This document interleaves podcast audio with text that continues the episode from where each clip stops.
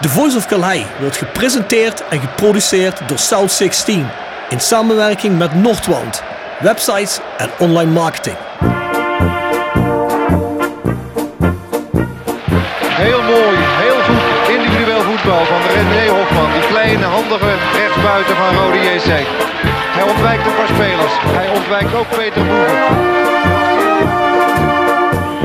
Zit een duidelijk gat in die muur. Daar gaat Boerenbach doorheen.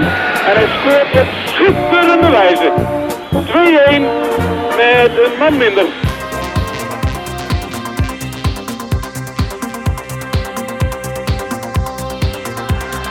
Babangida aanspelen, jazeker. Mooie beweging.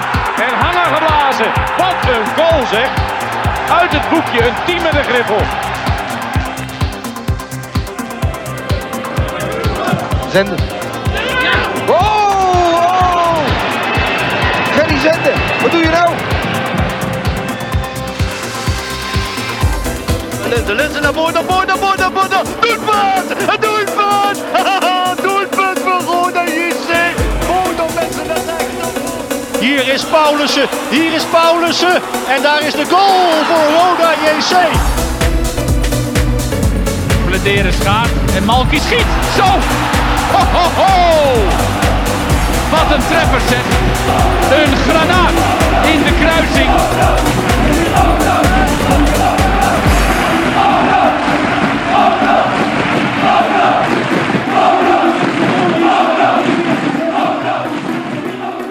Edwin de Graaf hier, je luistert naar The Voice of Calais.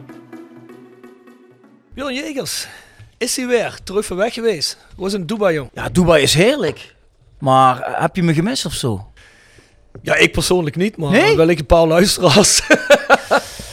Ja, dat viel ook wel mee, moet ik zeggen. ja, ja, je heb begint maar een paar- vergetenheid Ik te maar een paar zoals het mensen die mij eh, vroegen van eh, wanneer kom je nog eens. Maar eh, ja, ik moet zeggen, ik heb het al eens gezegd, maar Bart en Mo, ja, die vullen dat prima in, hè? Nee, dat doen ze zeker. Maar ja, weet je, jij is origineel, hè. Je moet toch je moet achter de persoons geven. Maar jij hebt je alweer meer erin geklemd met, toen het om de planning ging. Dus ik, ik heb wel volste vertrouwen dat je ook, net als Roda een goede eindspurt gaat inzetten. Je weet, ik ben een echte teamplayer, hè? Dus je moet het niet alleen doen. Het gaat niet om mij, het gaat om het hele team. Nee, hè? Moet die andere jongens ook een beetje laten shinen. Ja, ja, ja, ja zeker, zeker. Alleen, je moet ze niet alleen laten shinen, dus maar goed. Hey, voordat we gaan beginnen. Ja, streamen en luisteren kun je op allerlei platforms waar je muziek en dus ook podcasts kunt downloaden of kunt streamen. Spotify, iTunes, Soundcloud zijn er zo'n paar. Daar kun je deze podcast volgen. Ik zou zeggen, als je nog mensen hebt met een rode hart die niet kennen, laat hem eens luisteren of abonneer ze erop. Hè. Kost allemaal helemaal niks. Iets wat wel iets kost, dat is onze Voice Match Day. En die kun je, daar kun je op abonneren op petjeaf.com schuine naar voren de Voice of Calais.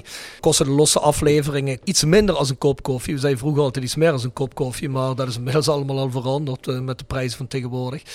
En eh, daar kun je trouwens ook het jaarabonnement kun je daarop kiezen. Er zitten allerlei extra's bij. Onder andere ook een Voice of Calais shirt, wat je dan voor niks krijgt op een gegeven moment. En dan doen we alle matchday besprekingen, dus nabesprekingen, voorbesprekingen. En de nieuwe is vandaag online gekomen. We moesten heel eventjes eh, afkoelen van afgelopen maandag. Als je dinsdag een, eh, een bespreking doet, dan wordt dan wordt die helemaal chaotisch, denk ik. Dus dat hebben we maar niet gedaan. Ik heb hem eh, vanmiddag even opgezet, maar ik heb hem nog niet af kunnen luisteren. Nee, hij, is, hij is wel goed. Hij wordt geholst door Jasper Klute deze keer. Eh, doet hij goed. Ik geloof dat eh, Sam Kale erin zit, hè? Ja, Sam Kale zit er ook in. Dus ga je abonneren bij petjeaf.com, schuine streep naar voren, The Voice of Calais.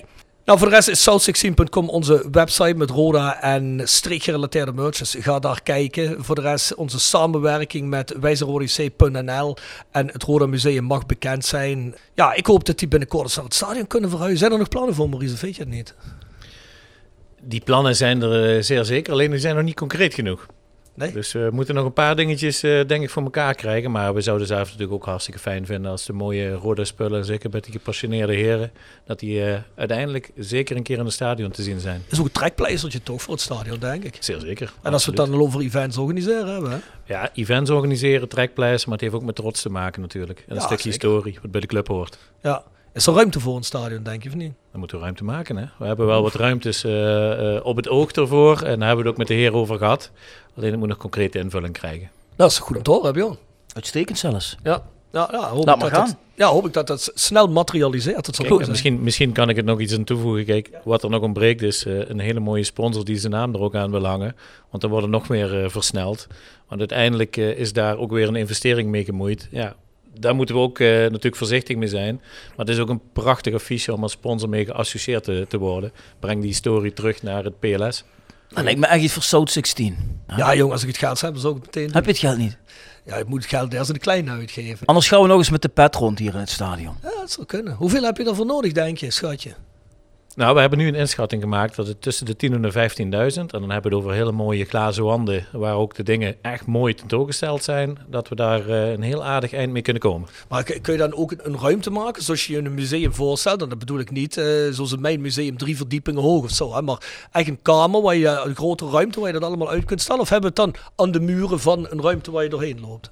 Ja, nou, dan heb je het inderdaad over bijvoorbeeld drie vitrine wanden, eh, waar je langs loopt of heen woont, waar het eh, niet echt een groot, niet een speciale ruimte, maar wel een ruimte waar je de beleving kunt voelen en waar je achter glas gewoon de mooie dingen kunt zetten. Misschien is dat iets voor eh, Francesco van Ooyen. Hè? Glas, glashandel, wie weet. Nou ja, daar zijn we dus ook. we weten, Francesco kan het maken. Alleen ja, er Ja. moet ook nog iemand zijn. En Francesco wil er zeker aan meewerken. Die daar dat een stukje aan mee, Ja, mee betaalt. Ja, dat is ook een, Oh, eh, Francesco Hou niet eh, een de rode broerste fan. niet. Nee, Nee, dat... Ja. Kan maar we hebben niet. toch iemand nodig om het financiële gaatje nog te vullen. Hè? Dus moeten we eens kijken. Hè? Misschien hebben we vroeger of later met de jongens een keer een inzamelactie kunnen doen. Dat je tot een bepaalde hoeveelheid komt. Je weet het niet. Over inzamelacties gepraat trouwens. Hè? Eh, steun ook de verfraaiing van het stadion. Eh, de MSO Street Crew doet dat. Hè? Die hebben hier al een aantal wandtekeningen en graffitis aangebracht. Het is altijd mooi om te zien. Zeker op de tribunes waar de fanatiekste aanhang staat. Maar we hopen natuurlijk ook dat op de Zuid- en op de Oosttribune ook, eh, ook wat zal verschijnen. Ik heb van de week al gezegd, of vorige week heb ik al gezegd, dat ik die link nog een keer ga posten. Hè, zodat daarop geklikt kan worden en iedereen, al is het maar, weet ik veel, 2, 3, 15, 20 euro gedoneerd kan worden. Dat ze uiteindelijk aan het doel van 10.000 euro kunnen komen. Want dat is het bedrag waarmee ze denken dat te kunnen realiseren. Voor de rest hebben we nog Ultras Kerkrade. Eh, Sean Kring zegt, we hebben nog altijd een grote loods nodig voor sfeeracties. En laten we hopen dat, hè, misschien tegen het gevoel op een moment in, dat we toch nog een eh, verlenging van de competitie krijgen. En dan hebben we toch een sfeeractietje nodig, denk ik. Denk je niet, Björn? Dat is een feitje, maar ja, voor mijn gevoel ben je dan al heel ver vooruit het kijken. Ik had al zoiets van, eh, als we die players überhaupt nog halen, dan ging de vlag al uit. Ja, ja, zeker. Ja. Ja, ja. En dan, daar, daar zou je dan eventueel ook nog een sfeeractie moeten doen. Ja, dat bedoel ik, maar dat bedoel ik. ik zit nog een stuk daarvoor. Jij zit nog een stuk Ik zit nog een stuk daarvoor, zover ben ik nog lang niet. Nou ja, ja, ja Want je, wat je zult al, eh, ja, dan moet je vrijdag winnen. Dan zul je natuurlijk nog een aantal eh, keer moeten verrassen. Want als ik denk dat je uit naar Heracles moet en naar PEC, ja, dan weet je ook niet 1, 2, 3 natuurlijk. Dat ben je niet 1, 2, 3, ja. Maar je weet het nooit, je weet het nooit. Die Hoffnung stirbt De bal is rond, hè? Ja, het is 11 tegen 11. Ja, dan ben ik eens benieuwd, hè, want wij nemen dit voor de thuiswedstrijd tegen Den Haag op komende vrijdag. Hoe het eh, ja, in de kick-off of de schacht is geweest. Als de selectie komt. Selectie komt toch nog, hè, Maurice? Ja, de selectie komt. Hè. Eh, kijk, we gaan natuurlijk wel kijken hoe de wedstrijd zich eh, eh, gaat vorderen. We gaan ervan uit dat dit een goede pot wordt waar ze energie tonen. En dat de fans ook bereidwillig zijn om met mensen te praten. Eh, Kijk, als er enige vorm van dreiging zou zijn, hè, en we hebben het gisteren weer gezien bij een wedstrijd van Feyenoord, er iets gebeurt, bij Groningen hebben we iets gezien, ja, dan moet je het zowel de supporters als de spelers niet aandoen, laten we eerlijk zijn. Nee, we gaan ervan uit dat het goed komt en dat dat een eh, gezellige avond wordt, dat er een DJ daar eh, zijn ding gaat doen en dat je in ieder geval voor de fans daar iets kan Ik betekenen. denk ook iedereen de, de aanstekers inleveren dan, hè? Voordat je de schacht naar binnen gaat. Ja. Toch? Ja. ja, we gaan ervan uit dat mensen een eh, gezonde verstand gebruiken. Nee, ja, ik- maar daar hoef je bij Roda helemaal niet bang voor te zijn. In nog minder seizoen als deze zijn er ook wel eens jongens van de selectie in een slecht seizoen en ook na een slecht resultaat wel eens naar de schacht gekomen. Ja, dan wordt de soep maar half zo heet eh, gegeten dat die opgediend wordt. Dat is vooral eh, voor de wedstrijd en na de wedstrijd veel eh, zeiken tegen elkaar. En van, oh, dat ze maar voet blieven en fuck dit en fuck dat. Maar als ze één keer daar zijn en je bent in conclave met zo'n speler, dan is het toch al heel snel dat dan iedereen het goed met elkaar kan vinden. En ik denk dat het wel echt de beste remedie is als je spelers net wel laat gaan, zelfs als het een klote resultaat is. Kijk, als je hier naar thuis 0-3 verliest, dan zou ik net zeggen, ga maar. Want er gaat echt niemand met de vinger aan spelers komen. Dat gaat, dat, dat Nee, maar als je dan met een speler eh, spreekt, dan eh, heb je ook heel snel door dat ze zelf ook gefrustreerd zijn. Mm. Weet je wel, van, er er roepen mensen vaak van, ah, je toont geen inzet, het boeit ze niks. Maar als je met die jongens één op één praat, dan merk je van, ja, verrek, die vinden het net zo erg als dat wij dat vinden. Want die willen Ja, ook winnen natuurlijk. natuurlijk. Hè. Natuurlijk, maar we hebben natuurlijk ook nog aanstaande woensdag hebben we ook nog de supportersavond. We ook, ja. hier in het stadion. Dat is ook de bedoeling om daar, hè. dus de selectie ook aanwezig, is ook niet voor niks. Eh, ja, stel de vragen. Eh, spelers zijn toegankelijk. Eh, en wat je zegt, ze zitten er zelf absoluut mee. Er is geen speler bij die hier niet zijn best zou willen doen. Nee, alleen ja, nu, nu, nu lijkt het af en toe zo. Eh, maar het zit hem gewoon in een, eh, in een verdomd shit fase. Dat geloof ik ook wel. Maar eh, zoals gezegd, eh, daar, daar gaat echt niemand een, een speler Nee, nee, nee. aan in een, eh, in een schacht. Dat, dat er hier en daar een koekwas rondloopt in Nederland die dat, die dat wel doet, eh, dat is er daar aan toe. Maar eh daar, daar geloof ik bij Roda absoluut niet in. Dat, eh, dat gaat echt niet gebeuren. Daar gaan we ook vanuit. Vers gebrande pinda's. Wordt gepresenteerd door Hotel Restaurant de Veilerhof. Boek een overnachting of ga heerlijk eten in het mooie bergdorpje Veilen. Voor boekingen ga naar www.veilerhof.nl. En door Rapi Autodemontage aan de Locht 70. Voor al uw auto-onderdelen en het betere sloopwerk. Al 40 jaar een begrip in kerkrade. Tevens gesteund door Fandom Merchandising. Jouw ontwerper en leverancier van eigen sjaals, wimpels en andere merchandising. Voor sportclubs, carnavalsverenigingen en bedrijven. Al jarenlang vaste partner van de Rode JC Fanshop. Check onze site voor de mogelijkheden. www.fandom.nl Ja, de oplossing voor de prijsvraag, Bjorn. Wist je die? Dik advocaat. Ja, logisch. Ja? Ja, dat was toch een inkoppertje. Ik weet niet of dat voor de meeste mensen een inkoppertje is. Dat is al een tijdje geleden. Maar ja, zelfs dan, zijn- je googelt even en dan ben je, dan Ja, weet ja, je maar ja, we zijn natuurlijk wel een rode podcast. Hè, dus eh Ja, tuurlijk. dan ligt het voor de hand. Hè. Want wat was de vraag? ADO-trainer Dick Advocaat speelde de meeste wedstrijden in zijn carrière als voetballer voor ADO. Hij speelde echter bijna, tussen aanhalingstekens, zoveel wedstrijden voor een ander Nederlandse club. Dat is natuurlijk Roda JC, hè? Dat is, Ja, is de club waar hij de tweede meeste wedstrijden voor speelde in zijn carrière. ja, dan denk ik bij mezelf, ja, toch jammer dat, ja, dat is voor mijn tijd, dat ik zo iemand niet eh, heb kunnen zien eh, voetballen bij de club. Ja, voor jou is het anders. Je hebt natuurlijk wel gezien. hè. Zelfs voor mijn tijd, hoe kun je nagaan? Voor jouw tijd nog. Zelfs voor Zo, mijn tijd, ja, ja, ja, ja, ja. ja. Vlak Ja. na de oorlog geweest, toch? Ja, toen 1952 geloof ik. nee, maar eh, ja, die heeft hier eh, een 100 in de 40 of 50 wedstrijden gespeeld. Ik kreeg natuurlijk van Ivo Kous, ook eh, eh, een van de jongens die historisch eh, veel zaken bijhoudt, kreeg een, eh, een tabelletje. Er stond in, nou, nou bijna dat het 120 was, maar er zijn verschillende lezingen van, net zoals dat altijd wel is. Dus ik denk dat die lezing die ik heb gelezen, inclusief bekerwedstrijden is, eh, Ja, ja. wellicht nog wat andere zaken. Maar ja, die heeft veel wedstrijden voor Roda gespeeld. Wellicht een beetje thuiskomen voor Dick. Dick traint elke club. Waarom komt Dick niet even trainen volgend seizoen? Ik denk dat dat met eh, de centen te maken heeft. Ja, dat denk ik ook. Ja, Vermoed ik, vermoed ik. Ja, Hè? Dat is een aanname. Nou, we nemen hem op in een tijd waar je nog altijd antwoorden voor die vorige podcast kunt insturen. Dus we wachten heel eventjes tot volgende week met de winnaar bekendmaken. Nou, en dan weer voor tickets voor het Mijn Museum. Een Roda sjaal van Fandom. Een maand eh, abonnement op The Voice Matchday voor niks. En eh, wat stickers. Wie was de laatste Roda speler die uit bij Heracles scoorde? Want onze volgende wedstrijd, en dat is een uitwedstrijd tegen Heracles. Ja, wie was dat? Wist je dat? Kun je dat herinneren of niet? Nou, ik zou het antwoord niet eh, gegeven kunnen hebben, maar ik zie het hier wel staan. Maar als ik me dan goed herinner, dan was het een eh, kopgoal. Dat zou kunnen. Dat weet ik niet helemaal zeker meer. Ja, jullie zijn voor al die, die details. eh, ik weet die details. Dan kan ik nog een tip erbij geven als het mag. Ja, zeker. Want ik denk dat het een voorzet was van onze vitaliteitsmanager. Oh ja? Dat denk ik. Denk je? Dat denk ik, als het die goal is. Oh, ah, dat zou kunnen. Vitaal goaltje geweest dan. Vitaal goaltje. In ieder geval, de speler speelt nog altijd in Nederland. Die hem gemaakt heeft. Dus, Ja. eh, hè?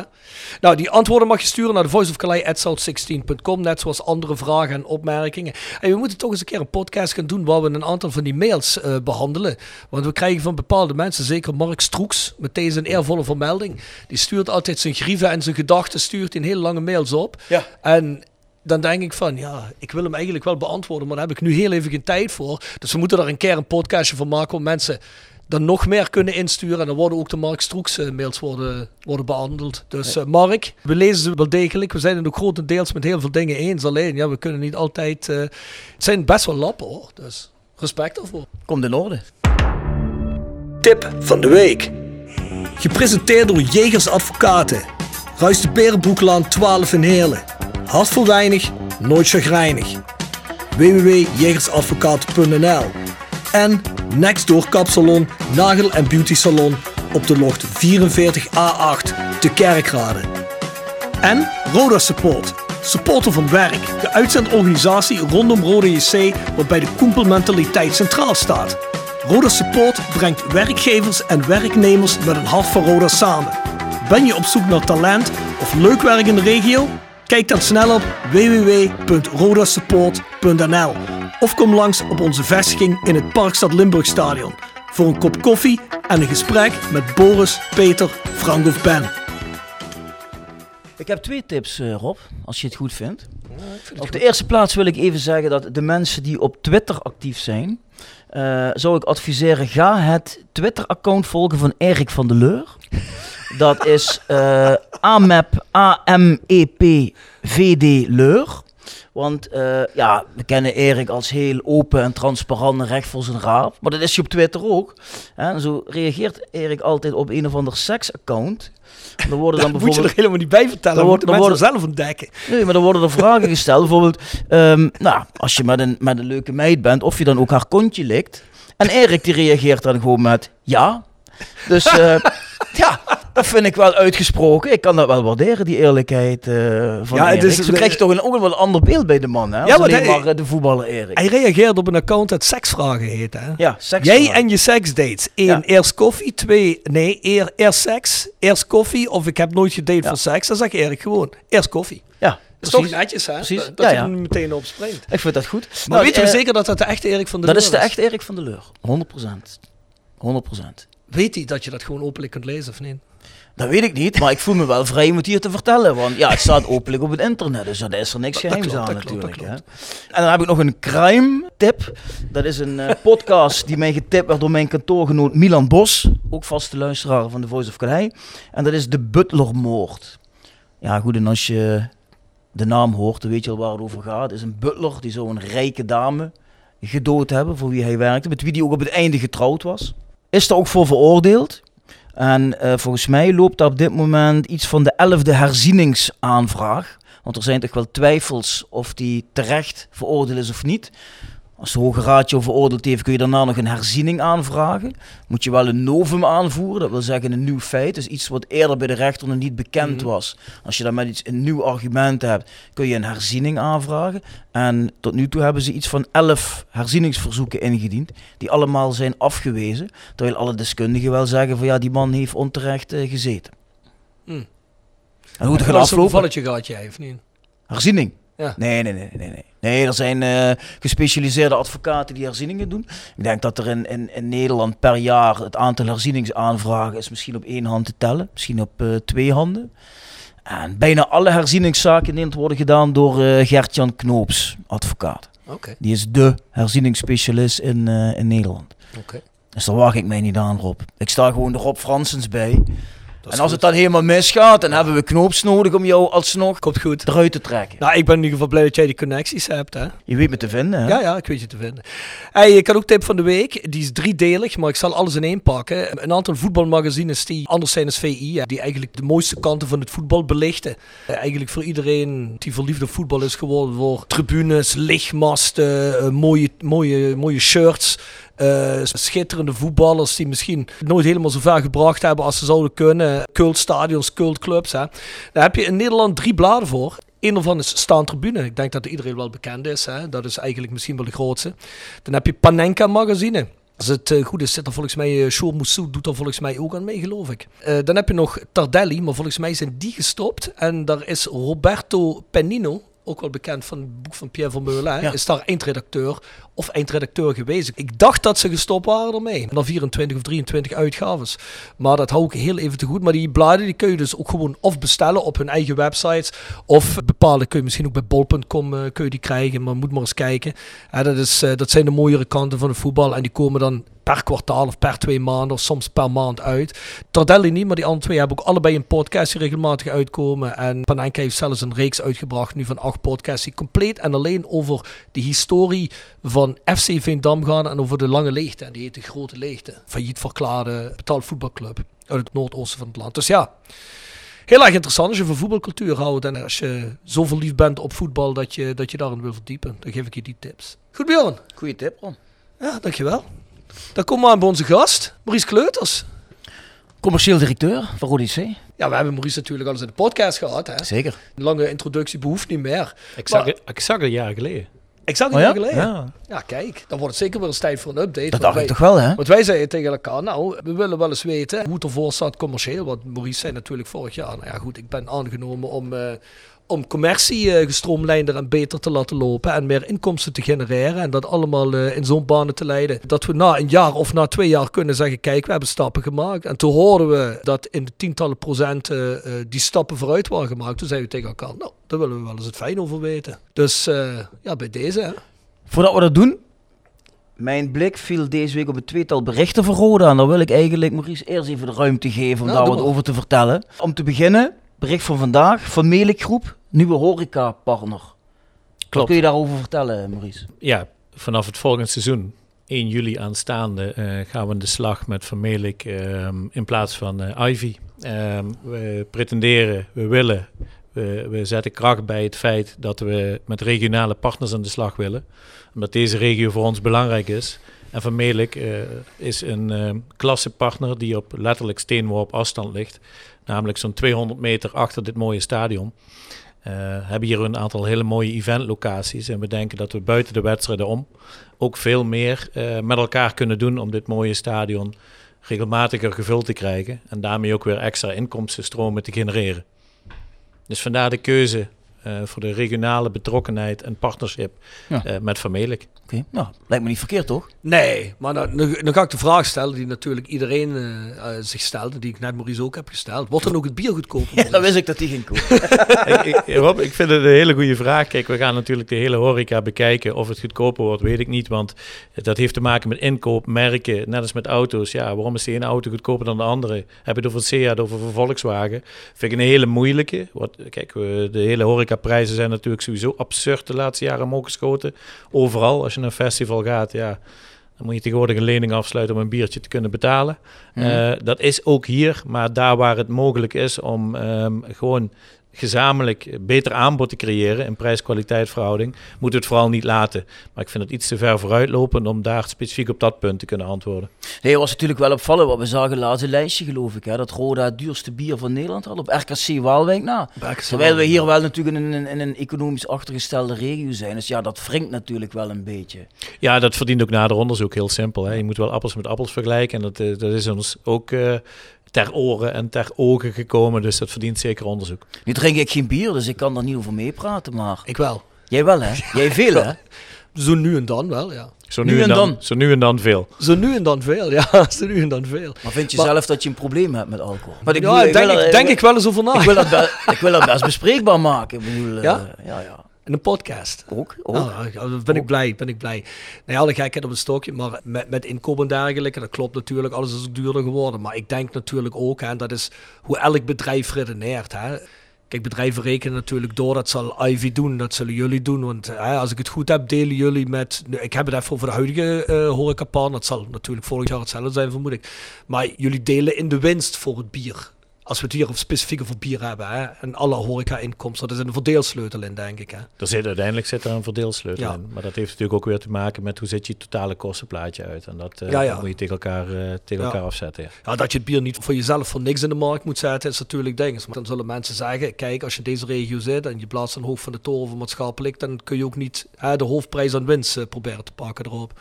Nee, en, en bij een eredivisieclub, ja, dan krijg je in de regel nog wat meer entertainment voorgeschoteld. Ja, dat kan ook een rol spelen Ja, natuurlijk. hier in- is in het bier het entertainment. Maar ja, hier Soms. in deze regio met het op één na duurste bier van heel Nederland, ja, dat is natuurlijk eh, Ja, ja, ja. zit niet helemaal goed. Nou, ik heb alle vertrouwen erin dat, eh, als Maurice zegt dat erin gekeken wordt, dan heb ik er alle vertrouwen in dat, Ja. eh, dat er ook in gekeken In wordt. ieder geval wel goed nieuwe regionale partners, dat denk ik prima. Dat was vind een- ik ook een, wel een prima bericht Ja. hoor, regio ondersteunend. Dat, want ja, als je het in de regio op zit, waarom zou je daar ergens anders gaan zoeken?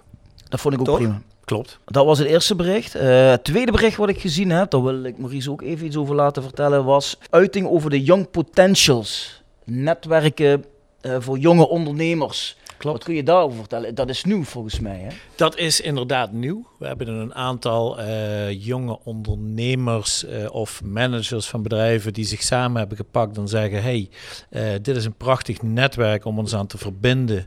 We, zochten, we zoeken een ruimte waar, waar we zaken met elkaar kunnen delen, zoals kennis, ehm, met name kennis en contacten leggen. En dan hebben we hier aan het eind van deze gang, waar we hier boven het mooie PLS zitten, hebben we een hele mooie box. Eh, waar zij zich gaan verzamelen. En eh, waar zij eh, samen willen gaan groeien. Om eigenlijk ook een toekomstig netwerk van Roda weer te verrijken. Dus dat is een heel mooi initiatief. Waarbij ze zelf echt die kar trekken. En zichzelf verenigen. Ehm, ja, dat ondersteunen we heel graag. Dat is tot en met 35 jaar, zag ik geloof ik. Hè? Dat hebben ze als regel voor zichzelf gezet. Ja. Dat is ehm, ja, de, de, tussen, eh, als ik het goed heb, eh, 21 en 35. Ja, ja, ja, dan val ik daar nog net in, maar jij niet meer op, eh, geloof ik. Hè? Nou ja, ik mag niet meedoen schijnbaar. dus ik, dus ik, vraag, ik vraag me af waar ik dan heen moet. Maar Rob, je mag ze wel spreken in de businessruimte. Dus Oh, ik- het is ik- niet ik- zo dat we ze helemaal afschermen. Het is wel mooi dat ik ze mag spreken dan. Ja. Ja, leuk hè? Als je young potential, als je daarbij wil aansluiten, kan dat zomaar. Als je tenminste niet zo oud bent als ik. Of, of moet, je dan, moet je dan nog speciale boxen tekenen? Of wat moet, wat moet je dan gebeuren? Of, of is, dat, is dat een gesloten groep? Hoe zit dat? Nee, het is geen gesloten groep. Zij zijn met een, eh, met een viertal mensen die dit organiseren binnen die groep. Hè? Die, die zichzelf als een soort bestuur ook heel geëngageerd inzetten. Dat Ja. is ook gewoon goed om te zien. Ehm, eh, het heeft echt te maken met drijfveren. Ehm, hoe zit je eh, in het bedrijf? Waar wil je van leren? Eh, je moet natuurlijk niet eh, eh, allemaal dezelfde mensen dezelfde branche erin hebben zitten. Dus daar zit wel een restrictie op. Het heeft geen zin om maar even te kijken, Bjorn, 12 advocaten in dezelfde ruimte te stoppen. Hè? Dan heeft, eh, wordt het misschien wat eenzijdig. Ja. Ze willen gewoon een gemeleerd gezelschap vormen. En eh, ja, zijn zelf aan het werven van wie, eh, wie wil en kan erbij. Wie, eh, wie zorgt voor nieuwe inspiratie. En eh, ja, het is gewoon een frisse groep. Volgens mij hebben ze nu tussen de 20 en de 25 man bij elkaar. En dat kan doorgroeien. En dat is, ja, het is gewoon mooi om te zien dat een groep, het is eigenlijk weer een hele nieuwe cel binnen Roda, zichzelf hier dus blijkbaar thuis voelt. Hoe is dat ontstaan? Ja, dat is het initiatief van een aantal mensen die eh, via andere partners hier binnen zijn gekomen. Dus eh daar zitten een aantal wat eh, oudere collega's van hun die hier al sponsor zijn. Nou, die zijn hier meegekomen en die zagen, hey, wacht even, hier is best een interessant netwerk. Ontmoeten dan ook mensen in hun eigen leeftijd die dezelfde drive ambitie hebben om verder te komen. En pakken zich samen. Ja. Nou, dat is, dat is leuk om te zien. Dus het is hier ontstaan en ja, exploiteert zich verder. Ik denk dat het goed is om te zien dat er nieuwe aanwas komt. En dan, en dan zeker ook eh, nieuw qua leeftijd. Hè? Wat jongere mensen die dan mee kunnen groeien. Zeker. Nee, prima initiatief. Dus dat waren even twee eh, nieuwsitems, Rob, die ik eh, eruit had gepikt. He- heb ik er nog eentje voor je? Oh, Oh ja? kom maar. Ja, die komt misschien net. Eh, we gaan hier een heel mooie wedstrijd van het Nederlandse dames elftal hosten. Ah ja? In dit mooie stadion. Ja? Namelijk de laatste voordat ze een grote toernooi beginnen. Dat is namelijk 2 juli. Gaan we 2-7. hier spelen. Ja, dan gaan we spelen tegen eh, het Belgisch dames elftal. Oké. En de verwachting is dat we dit PLS dan eh, behoorlijk vol gaan krijgen. Oh ja? Dus door de KNVB georganiseerd. En we zijn heel erg blij dat dat hier in het stadion eh, mag gebeuren. Want ook dat zet een club en een stadion en een regio toch weer op de kaart. Zeker. Nou, leuk. Leuk. Wanneer was toen die, eh, die internationale wedstrijd hier? Hebben we toch eens een keer een wedstrijd gehad? Of- Of was het een Een toernooi. Nee, we hebben Jeugdtoernooi. jeugdtoernooi? Ja, Ja, was, ja, ja. eh, je- jeugd WK was dat Jeugd WK. volgens mij, Ja, ja, ja. Ja, ja. dat is al jaren geleden. Hè? Ah, dat is echt al lang geleden. Nee, maar ja, het zijn wel leuke initiatieven op zich. Nee, zeker. Ik bedoel, het is, het is toch, toch een stukje erkenning voor je stadion. En je zult ook waarschijnlijk aan bepaalde eisen moeten voldoen. Dus dat is dan ook mooi dat je daaraan voldoet. Want dan krijg je toch een bepaalde kwaliteitsstandaard opgeplakt, denk ik. Hè? Klopt. Nee, dat is wel mooi natuurlijk. Dus ja, ik hoop dat de vrouwen wat beter spelen als onze jongens. Hè? Het zou mooi zijn, dan kunnen we tenminste naar iets leuks kijken. Ga je erheen dan, Bjorn, of niet? Waarom niet? Ja. Waarom ik wil niet? best wel een keertje komen kijken. Dan zal het wel lekker eh, zonnig weer zijn en dan eh, kunnen we een leuk potje hier Ik dacht even dat hij ging zeggen, zullen we lekker dames Nee, nee, nee. Dat dacht nee, ik dat nee, ging zeggen. Nee, dat, zou, eh, dat past niet meer in deze tijd, Rob. Zulke uitlatingen doen, jong. Nee, nee. Dat is nee. niet woke, hè? Nee, nee, nee oké. nee, dat is goed. Leuk bericht, Maurice, dat wist ik niet. En wanneer in juli zei je? 2 juli. 2 juli. Mooi, mooi. Als het goed is, komt daar vanavond nog ook eh, persbericht van, ook vanuit de KNVB.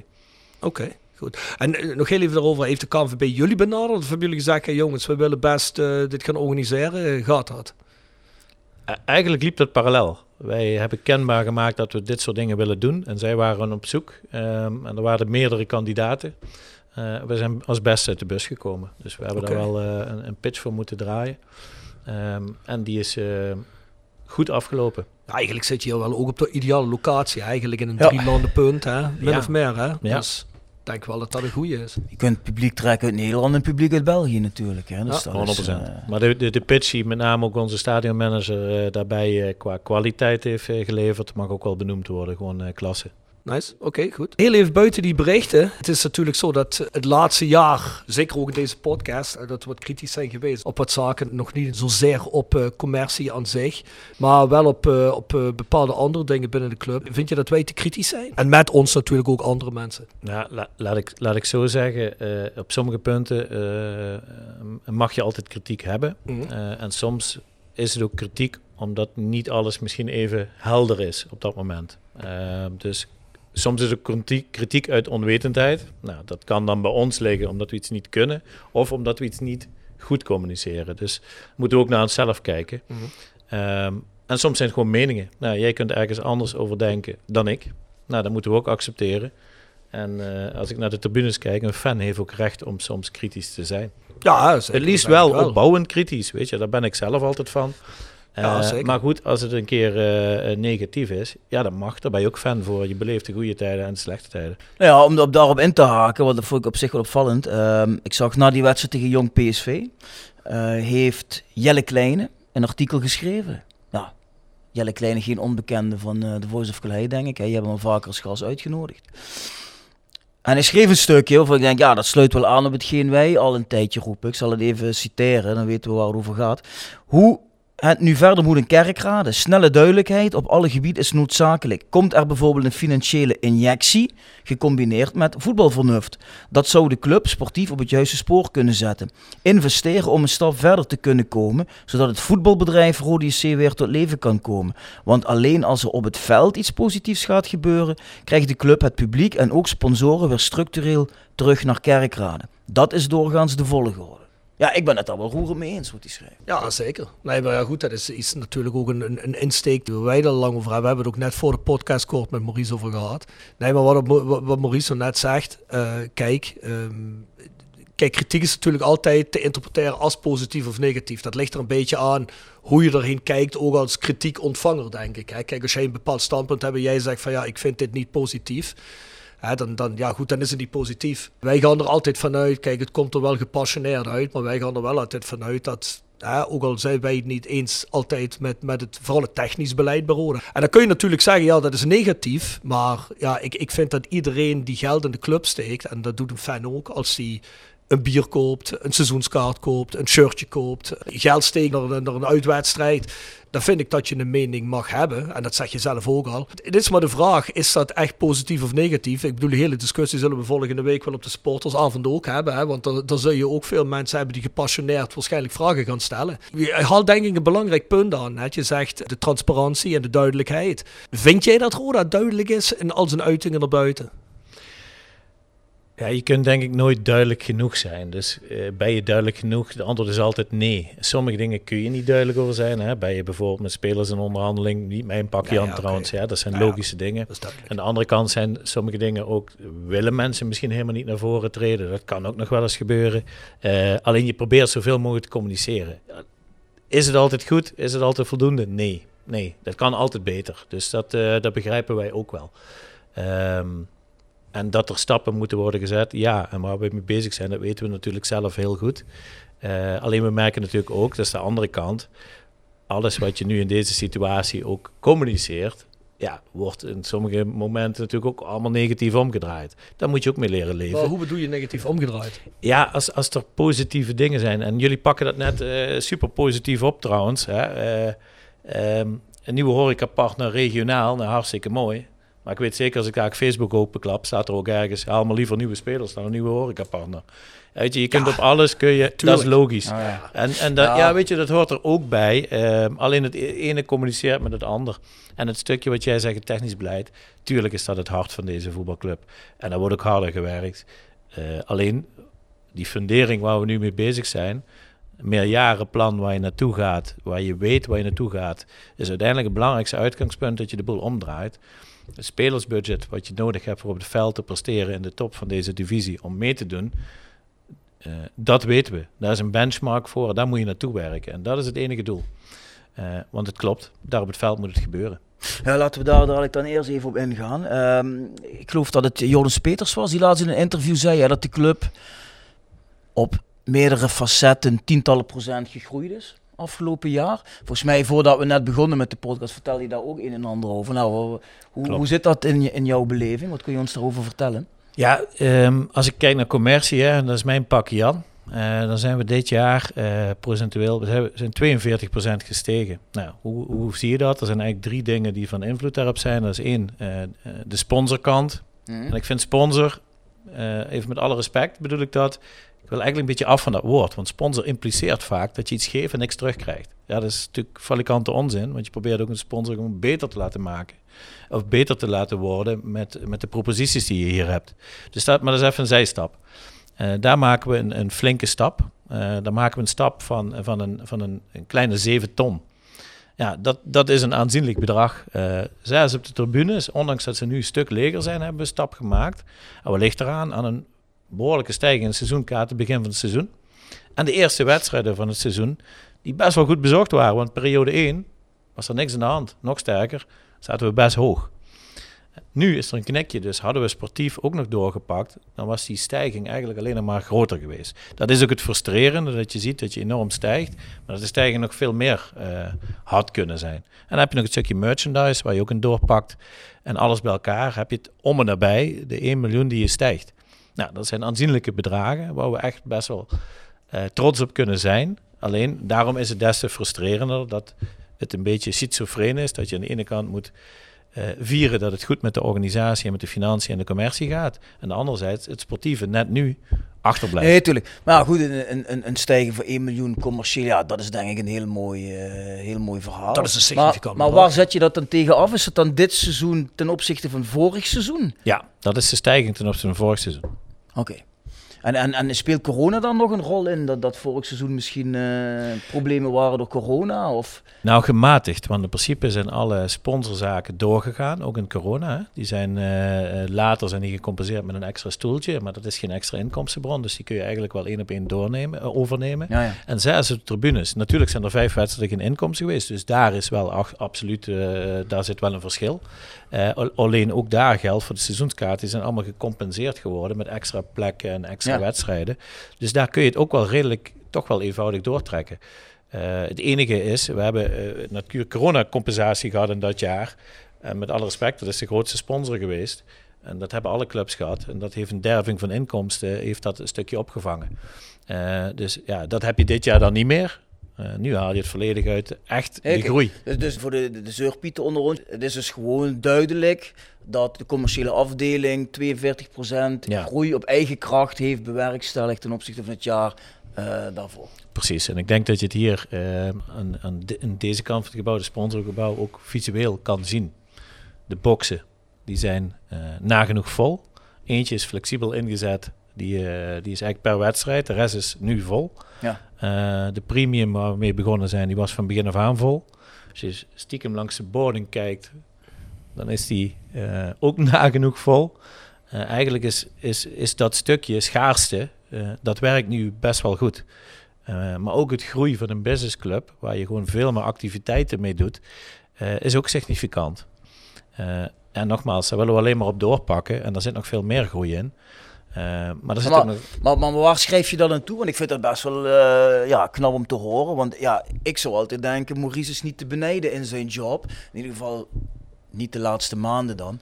Want ja, je zult wel nu naar een sponsor moeten gaan eh, op plek 14 en zeggen van, je moet hier wat geld achter gaan laten. Ja, ik kan me voorstellen dat mensen dan zeggen van, ja, maar ja, op grond waarvan?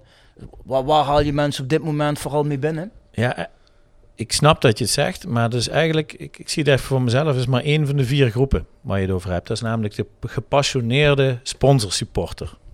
Die eigenlijk geld achterlaat omdat de club trouw is en de club goed wil zien spelen. En dat is een hele belangrijke groep. Eh, alleen, er zijn hele andere beweegredenen om hier sponsor te zijn. Ten eerste zijn we gewoon een gigantische marketingmachine voor bedrijven. Want als je het bereik van al onze media optelt, dan heb ik het niet alleen over de shirtreclame en over de stadionversiering. Dan heb ik het ook over de social media kanalen. Dan heb ik het over het scherm hier aan de voorzijde van het Mhm, stadion. mhm. Waar gewoon 7 miljoen mensen tegenaan rijden per jaar. Als je dat bereik optelt, is dat gewoon heel veel marketingkracht. En of je nou even cru gezegd van voetbal houdt of niet, er zijn ook heel veel bedrijven die aan die marketingkracht zaken ontlenen. Dus dat zet je op die manier in. Eh, en het andere is eh, de, de, de business club waar ik net over zei. eh, de netwerkavonden die daarvoor organiseert buiten de voetbalavonden om. Uiteindelijk is het ons kent ons, is het elkaar in de, in de ogen kijken, is het contacten uitdelen. Dat moeten wij stimuleren. En dat mensen, op het moment dat bedrijven merken dat daar de schwung in zit, dat die contacten gelegd kan worden en dat er hier en daar misschien zelfs een deal aan te pas komt, dan heb je ook weer een hele andere groep. Dan benader je die groep heel anders. Ehm, dus dat is ook een belangrijke. En een vierde is, eh, is het stukje, het maatschappelijke stuk. Kijk, het maatschappelijke stuk, en eh, natuurlijk is Arta de karttrekker van, eh, dat heeft enerzijds een gepassioneerd deel dat je ook iets voor de regio hier wil betekenen. Dat ben je gewoon verplicht als profclub die in het middelpunt staat van deze regio.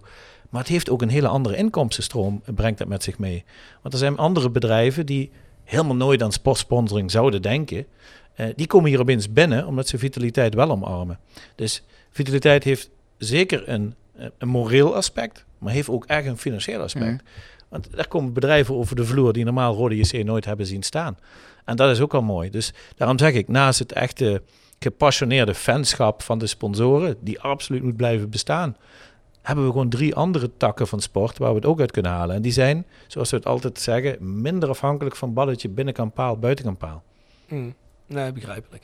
Ja, op zich is het al als supporter wel fijn om te horen dat we dan commercieel in ieder geval wel eh, eh, in de lift zitten. Althans de weg omhoog hebben ingezet. Kijk, ja, je moet het natuurlijk wel kunnen overbrengen. Want bijvoorbeeld zaken als dat mooie scherm wat miljoenen mensen zien aan de buitenkant. Ja, dat hangt er ook al jaren, maar dat heeft ook jarenlang niet geleefd. Dus je moet het wel nog maar aan de man kunnen brengen. Dus je moet wel een goed verhaal hebben natuurlijk. Tuurlijk. Wat dat betreft is dat, eh, dat, dat, ja, dat is op zich wel eh, goed om te horen. Alleen denk ik dan wel meteen, commercieel eh, hebben we flinke groei doorgemaakt. Gaat zich dat ook vertalen naar komend seizoen toe op het veld? Gaan we zo meteen verder, want Oh, dit hij wordt een onderbreekt lange antwoord. Ja, Dus hallo. We gaan even Sound of Calais doen. Daar werk ik niet aan mee, daar ga ik. Gaan we zo meteen verder op dat punt. The Sound of Calais. Gepresenteerd door PC Data Logistics Automation. De partner voor leveren, installeren en onderhouden van geautomatiseerde ordeelverzamelsystemen. Zowel lokaal in kerkraden als globaal over heel de wereld. Zoek je een uitdagende job? Kijk dan naar onze vacatures op pcdata.nl. Ook worden we gesteund door Willeweber Keukens. Wil jij graag kwaliteitskeukendesign dat ook bij jouw beurs past? Ga dan naar Willeweber Keukens in de Boebegraaf 1 te Schinveld. Maurice, heb je een song? Eh, ja, ja, ik weet dat ik de vorige keer hier zat en toen eh, ging ik eh, helemaal op armen van buren die kant uit. Maar eigenlijk wil ik gewoon een voetballied wat mij elke keer raakt, heel afgezaakt, maar het is eh, You Never Walk Alone. Op een of andere manier geef hem altijd kippenvel als het de juiste ambiance erbij is. En dat hoort er gewoon bij. Dat zal hem aanspreken als Liverpoolman. natuurlijk. Zeker, zeker. Ik denk dat hij er misschien al in staat, maar dat maakt niks uit. Ik ga eens even kijken. En als hij er niet in staat, dan staat hij bij deze in. Mooie keuze, Maurice. Top.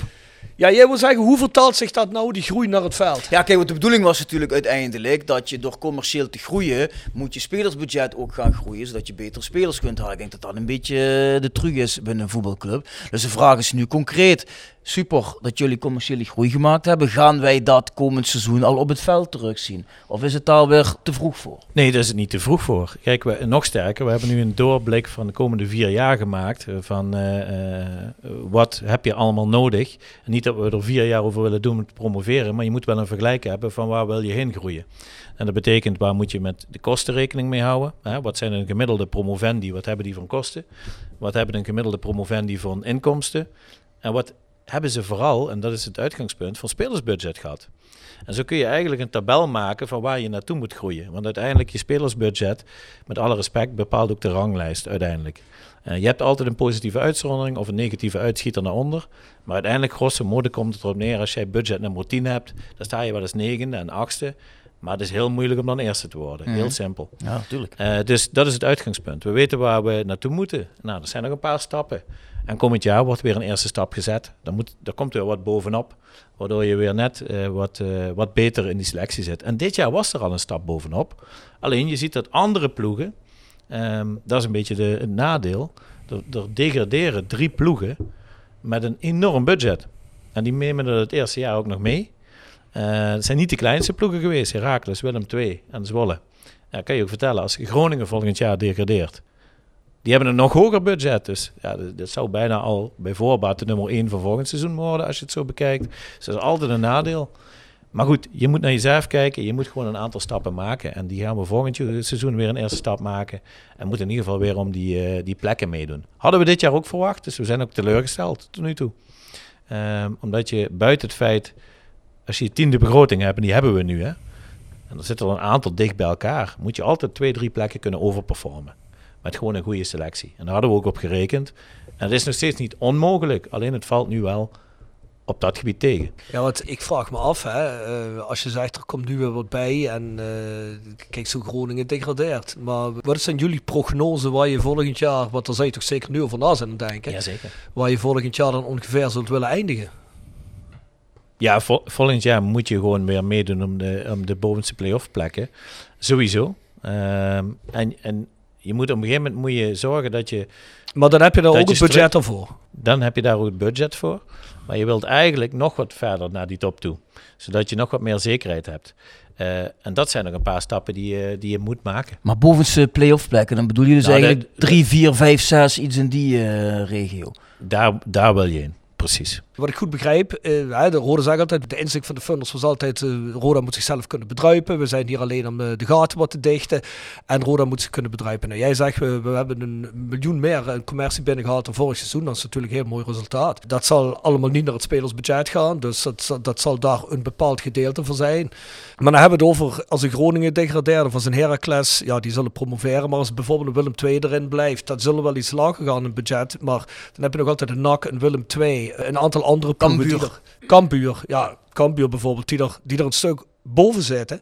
Dat betekent dus, dat zal in de toekomst stelkend zo zijn, maar als wij onszelf moeten blijven bedruipen, hoe lang moeten we dan nog doorgaan tot we aan een budget zitten dat we kunnen concurreren met degraderende eredivisieploegen? Ja, daar, daar zijn we nu mee bezig. Uh, van dat, dat zal toch ook ergens een keer eindig zijn? Jij zegt de skyboxen zitten vol. Ja, als ze vol zitten, dan heb je ook geen capaciteit meer daar. Begrijp wat ik bedoel? Dus nee, klopt. Het is ergens eindig. Nee, klopt wat je zegt. Alleen je hebt nog altijd een aantal knoppen over om aan te draaien. En dat is, wat zijn dat knoppen waar je 3 miljoen mee binnen gaat halen? Nee, maar we kunnen wel nog een significante stijging uh, doen. En dat is belangrijk. ja, okay. En uh, daar zijn echt nog wel uh, behoorlijk wat knoppen waar we aan kunnen draaien. We hebben er ook geloof in dat we daar nog een hele, hele rek in hebben. Hè. Die eerste stap die is nu gezet. Ik zeg niet dat er volgend jaar weer een miljoen extra is. Want je kunt op een gegeven moment gaan die stappen minder groot worden wellicht. Alleen je kunt nog wel een flinke stap zetten. Um, en, en je kunt ook budgetteren, je speeldersbudget weer een stap zetten. Alleen je kunt er niet in ene keer en die stap die je naar het totaal moet maken, om, om die zekerheid te hebben, die gaat niet in één keer lukken. Kun je nog een stukje overperformen? Ja. Maar dat heeft natuurlijk te maken met uh, hoe gaat het volgend jaar. Uh, ja, er, valt, valt, valt, natuurlijk ook wel wat voor te zeggen. Als je, als je gezegd had, bij wijze van spreken, hè, uh, aan het begin van het seizoen, we steken toch significant meer in het spelersbudget. Dan had je nu misschien in plaats van veertiende, derde, vierde, vijfde gestaan. Dan zaten er wellicht 10.000 mensen hier. En dan had jij misschien van 1 miljoen, 2 miljoen meer uh, kunnen maken. En dan had je eigenlijk dat extra geld wat je in dat spelersbudget aan de voorkant had gestoken, had je via die weg weer terugverdiend. Dus dat is natuurlijk altijd, wat mij betreft, de discussie van kies je voor de weg der geleidelijkheid. Of zou je misschien moeten zeggen van ja, dit is super, maar als we nou zorgen dat we uh, om die eerste twee plekken mee kunnen doen en we kunnen promoveren, dan maak ik het Maurice ook een heel stuk makkelijker. Want hoeveel, als jij nu al in deze periode zo'n groei laat zien, nou dan doe jij je werk super. Maar ja, hoe goed kun jij je werk dan wel niet doen als je in de Eredivisie aan de slag mag gaan? Dan maak je het jou veel makkelijker. Nou ja, Eredivisie is natuurlijk altijd het doel. Uh, dat is een logisch verhaal. En dan krijg je automatisch ook veel meer gelden binnen. Niet alleen via de commerciële stromen. Hè. Ik bedoel, dat spreekt voor zich. Ja. Um, en, en er zijn ook nog andere stromen die heten transferwaarde. Dus dat, dat speelt ook wel mee. Um, dus die stappen die kun je zeker zetten. Alleen je kunt nooit iets inkopen. Uh, ik bedoel, je kunt nooit zekerheid kopen. Dat zie je nu ook aan, aan, aan Willem II. Eigenlijk hebben die in totaal, uh, eigenlijk als je naar stand kijkt, een underperformance. Dus die zitten met een ander probleem meer. Dus die geleidelijkheid, um, um, die mag niet te geleidelijk zijn. Want dan verlies je ook weer die aansluiting. Dus daar ben mm. ik met je eens. Uh, alleen het moet wel gefundeerd zijn. Het moet wel opgebouwd zijn. Als je nu het is heel makkelijk vaak gezegd, hè, uh, nu een miljoen extra in spelers zou steken. Ik zeg maar even een bedrag. Hmm. Die spelers komen niet voor één jaar. Die moet je al voor meerdere jaren gaan vastleggen, want zo werkt het ook. Dus een miljoen is niet eenmalig. Dan moet je al meer jaren erin steken. Dus je neemt eigenlijk een voorsprong op iets wat je nog niet helemaal hebt. En daar zit altijd het bedrijfsrisico.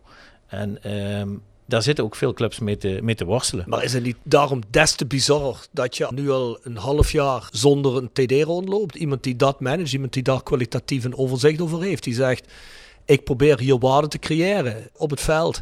Zodat als we die spelers dan vastleggen voor een tijdje, dat we die tenminste wel met een meerwaarde kunnen verkopen. En dan verdient zich dan allemaal vanzelf terug. Dat is toch ook een stuk inkomsten. Ik denk, als jij een speler verkoopt, als een Benji Bouchouari, die je vrijwel niks gekost heeft, die verkoop je voor bijna een miljoen of voor een miljoen. Nou ja, zoveel verdien jij met sponsoring geld niet uh, in zo'n korte tijd. Nee, dus, dat, dus dat, nee, dat zal ook wel met Dylan Vente gebeuren aan het einde van het seizoen. Ik heb zoiets van, voor mij is dat bij een voetbalclub cruciaalste positie. Daarom hebben wij ook bij de podcast nooit begrepen waarom Jurgen Streppel een dubbelfunctie heeft. Dat kan hij wel zeggen, ja dat kan ik allemaal wel goed. Maar volgens mij functioneert dat zo niet. Ik, heb, ik doe ook allerlei dingen door elkaar in mijn zelfstandigheid. En ik weet ook dat ik soms echt geen tijd heb voor het ene, omdat ik me, op het ander moet concentreren.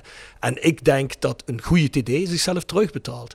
En ik weet dat hij niet populair is bij de mensen die, die, die de club runnen, maar zo'n Jeffrey van As die heeft wel met een Dylan Vente, met een, uh, met een Patrick Fluke, met een Bouchouari, die allemaal onder zijn management zijn gekomen, zijn technisch management.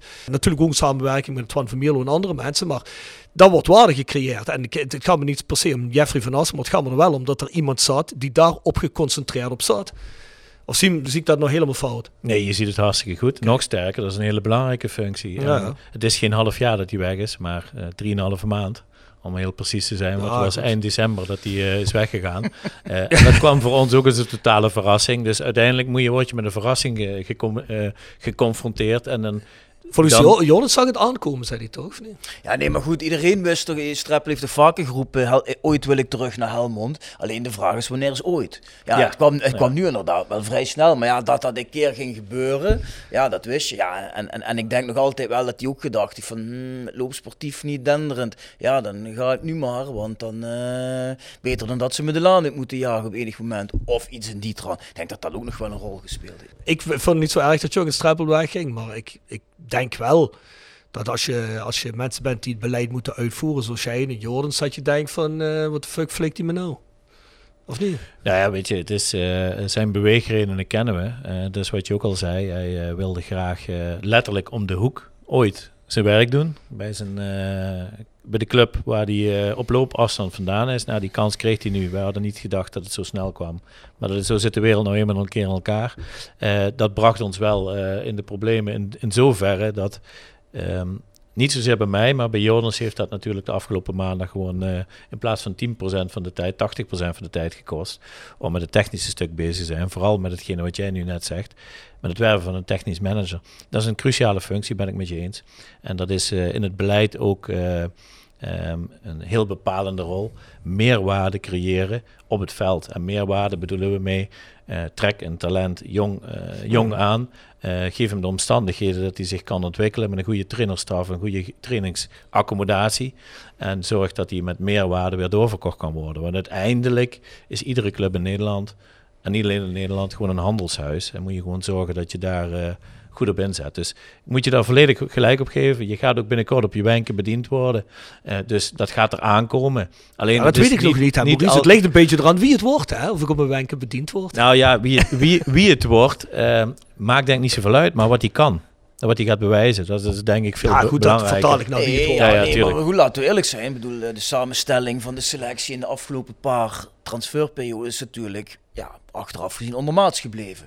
Want daarvoor in de eerste twee seizoenen zag je wel van 8 naar 5. Nou, hadden we een aantal hele leuke spelers. Ja, nu, eh, vorig jaar, zijn er toch een aantal jongens gehaald die niet gebracht hebben wat je van tevoren had gehoopt dat ze zouden brengen. Dus ja, die positie, die persoon die die jongens gaat contacteren en vastleggen, ja, dat is wel heel belangrijk natuurlijk.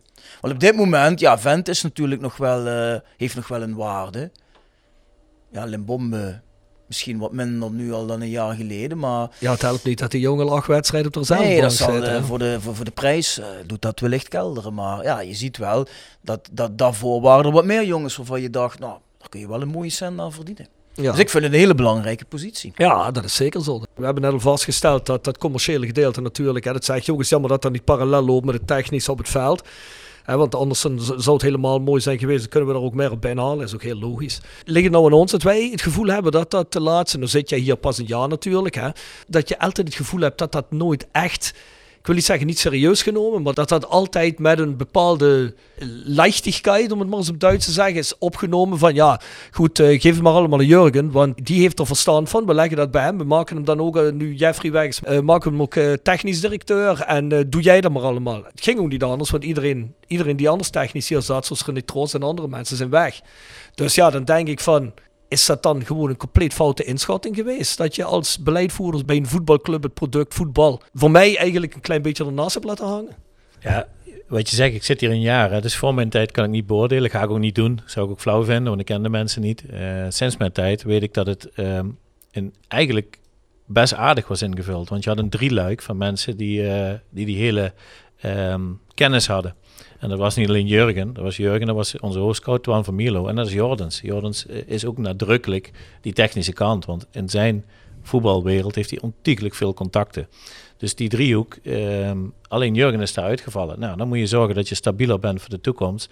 En daar wordt nu hard aan gewerkt. Maar het kan nooit, tenminste in de periode dat ik hier zit, weet ik dat wel 100% zeker. Het is nooit onderschat, want het is je core business. Daar hebben wij wel eens aan getwijfeld soms. Nou, de ja, beslissingen dat, genomen. Dat, nee, okay, dat, dat kan niet. Dat kan niet. In een voetbalclub uh, kun je dat niet onderschatten. Nee, maar ja, dat, dat vind ik ook. Dat daar wel dat men het zelf ook realiseert. Dat zie je wel in het feit dat toen Jeffrey weg moest, dat er gezegd werd van ja, we hebben geen, ruim, geen plek meer voor een, of geen ruimte meer voor een TD. En nu gaat Jurgen weg en wordt er gezegd, ja, we moeten wel weer een nieuwe technisch manager hebben, want het is onontbeerlijk in een uh, organisatie. Dus daarmee geef je eigenlijk wel aan van, ja, wat we toen zeiden, ja, dat zit natuurlijk wel wat anders. Ja, maar soms, soms denk ik ook, hè, en nogmaals, is voor mijn tijd, dat je ook te maken hebt met voorschrijdend inzicht. Werelden veranderen en soms ga je ervan uit dat het wel kan en dan blijkt het achteraf misschien niet de meest gunstige setting te zijn. En dan moet je bijschakelen. Dat kan ook gebeuren. Nee, daarom zeg ik ook gewoon leichtigheid. Ik bedoel er niet mee dat er dus met voorbedachte raad beslissingen worden genomen die slecht zijn. Maar dat er waarschijnlijk iets gedacht is van, oh, dat kan hij dan ook wel. Want laten we eerlijk zijn, de mensen die, die rond de club het beleid voert, zeg je zelf al, er moet misschien meer technisch vernuft in de club komen. Ja, die, dat, daar zat dus weinig technisch vernuft. Dus ik denk dat mensen gewoon gedacht hebben, nou ja, goed, dat kan wel. En dat zeg je zelf net, als dan zo'n Jurgen Streppel wegvalt, dan valt en de trainer en de TD weg ik ben er sowieso van overtuigd. Als je dat echt goed wil doen, dan moet je daar iemand op hebben. Dat kan dat geen gedeelde functie zijn. Niet tussen een AD en een TD. Niet tussen een trainer en een TD. Dat moet gewoon een TD op zich zijn. Die netwerk heeft. Die precies weet waar hij mee bezig is.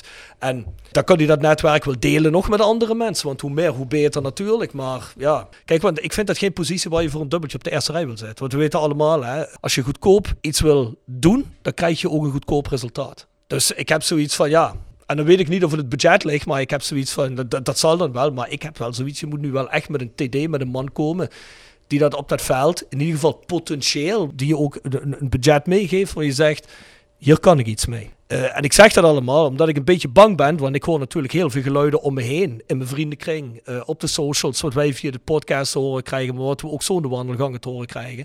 Dat echt heel veel mensen zijn af aan het haken op het moment bij Roda, omdat ze zeggen, nou ik hak niet eens af door de resultaten, maar ik haak ook af omdat ik niet zie waar de club nou eigenlijk naartoe wil. Of zeg ik dat fout? Nee, je, voelt, je, je zit nou natuurlijk wel met een stukje perspectief waar mensen om vragen. Hè? Ik bedoel, je staat nu 14. Ja, de kans dat je de play-offs nog haalt vind ik niet heel groot. Maar goed, hopelijk worden we verrast. Maar um, ja, de vraag is wel, oké, de eerste drie jaar zijn voorbij. We zijn eigenlijk sportief achteruit gegaan. Volgend jaar moet het weer fors beter. Maar hoe gaan we dat dan doen? En daar heb je nog niks van gehoord uh, van de club. Wie gaat het op technisch vlak doen? Wat wordt het budget? Wat is het, uh, wat, op welke positie mikken we en waarom denken we dat we daar kunnen komen? Ja, mensen snakken naar die informatie. En omdat dat uitblijft, ja, is iedereen een beetje in, dubio en denkt van ja, zolang ik niks hoor, zal er ook wel niks eh, ten goede gaan veranderen op sportief vlak. Ja, en dat schuurt wel een beetje, denk ik. Begrijp je dat mensen zeggen, ik wil hier wat meer informatie over, want anders geloof ik het niet meer? Um, ja en nee. Dat heeft dus inderdaad met een deel communicatie te maken. Uh, wij weten natuurlijk wat beter wat er achter de schermen speelt. Dat, een club, dat de club groeit en uh, de basis zal leggen en een veel breder fundament heeft. Dat weten wij. Dat proberen we ook te communiceren. Um, Alleen, het is altijd een schril contrast. Als dan het resultaat tegenvalt, dan is het ook zo dat mensen het geloof meer verliezen. Hadden we met deze selectie nu rond plek 7 gestaan, hadden we die discussie helemaal niet. Dan hadden we richting play-offs gekregen. En dan was hetgene wat we op bouwen waren, daar werd wat meer vertrouwen in. Dus alles valt in staat ook wel met het momentum. Uh, dat, en dat weten we ook. Uh, en op dit moment zijn, uh, zijn er echt wel stappen. Uh, en die gaan de komende weken ook duidelijk worden dat mensen vertrouwen mogen hebben. Ehm, ik hoop ook altijd dat mensen die een hart en passie voor Roda hebben, ook dat vertrouwen blijven houden. Eh, ook omdat dit gewoon hun club is. Het is mijn club, het is jouw club. Eh, Ja. en, we, en we met z'n allen ook dat steentje bijdragen. En iedereen die weet dat als hij hier een Coca-Cola koopt, of een sjaaltje koopt, of een ticket koopt, weer een heel klein steentje bijdraagt. Eh, aan, eh, al is het de, de linkerteen van de nieuwe spits. Ja, ja. Nee, maar kijk, ik bedoel, we hadden het van tevoren over een nieuwe technische manager. En dan, dan noem je ook nog geen naam, begrijp ik ook. Gaan we ook niet aan je vragen. Maar eh, wat wij er zoal op de socials en in de media van meekrijgen van het omvel, is dat Roda dan mikt. Ik geloof dat Jonas het ook wel eens gezegd heeft, op een jong iemand of een high potential. Ja, terwijl ik dan al denk van oei oei oei. ehm, ja, ik persoonlijk zou bij een TD altijd kiezen voor iemand met ervaring. Volgens mij is het echt een ervaringsvak. Eh, dat als je dat klusje een aantal keer gedaan hebt, dat je weet van nou, daar heb ik contacten, daar heb ik contacten. En als het een groentje wordt, zie ik toch alweer een grotere risicofactor dan iemand waarvan je weet, die heeft een track record, die heeft dat al bij drie clubs gedaan, die weet meteen waar hij het over heeft. Dus ja, dat, dat zou bij mij wel een beetje huivering teweeg brengen van, eh, moet dat niet gewoon iemand zijn die zich bewezen heeft in een bepaalde functie. En als het dadelijk een jonkje wordt, moeten we die man ook steunen, eh, of vrouw, maar ik denk een man. Maar, eh, want iedereen moet natuurlijk een kans krijgen, maar ja, dat, dat, dat, ik denk dat dat bij veel mensen op de tribune dan alweer zoiets is van, ja, oh, waarom eh, iemand zonder eh, naam of reputatie en mocht het dan niks kosten of zo? En waarom, moet, waarom moeten we nou dat vertrouwen uit gaan ontlenen? Zo wordt er dan natuurlijk toch gesproken. Kijk, als je Ted van Leeuwen haalt, dan zegt iedereen zo, nu gaat het gebeuren. Ja, laten we eerlijk zijn toch? Maar het heeft Ted van Leeuwen ook bewezen. Ja, nee, precies. Ja, maar nee, ja, maar het. het. Vind je het gek dat mensen dat denken? Of zeg je van, ja goed, dat kan ik wel begrijpen.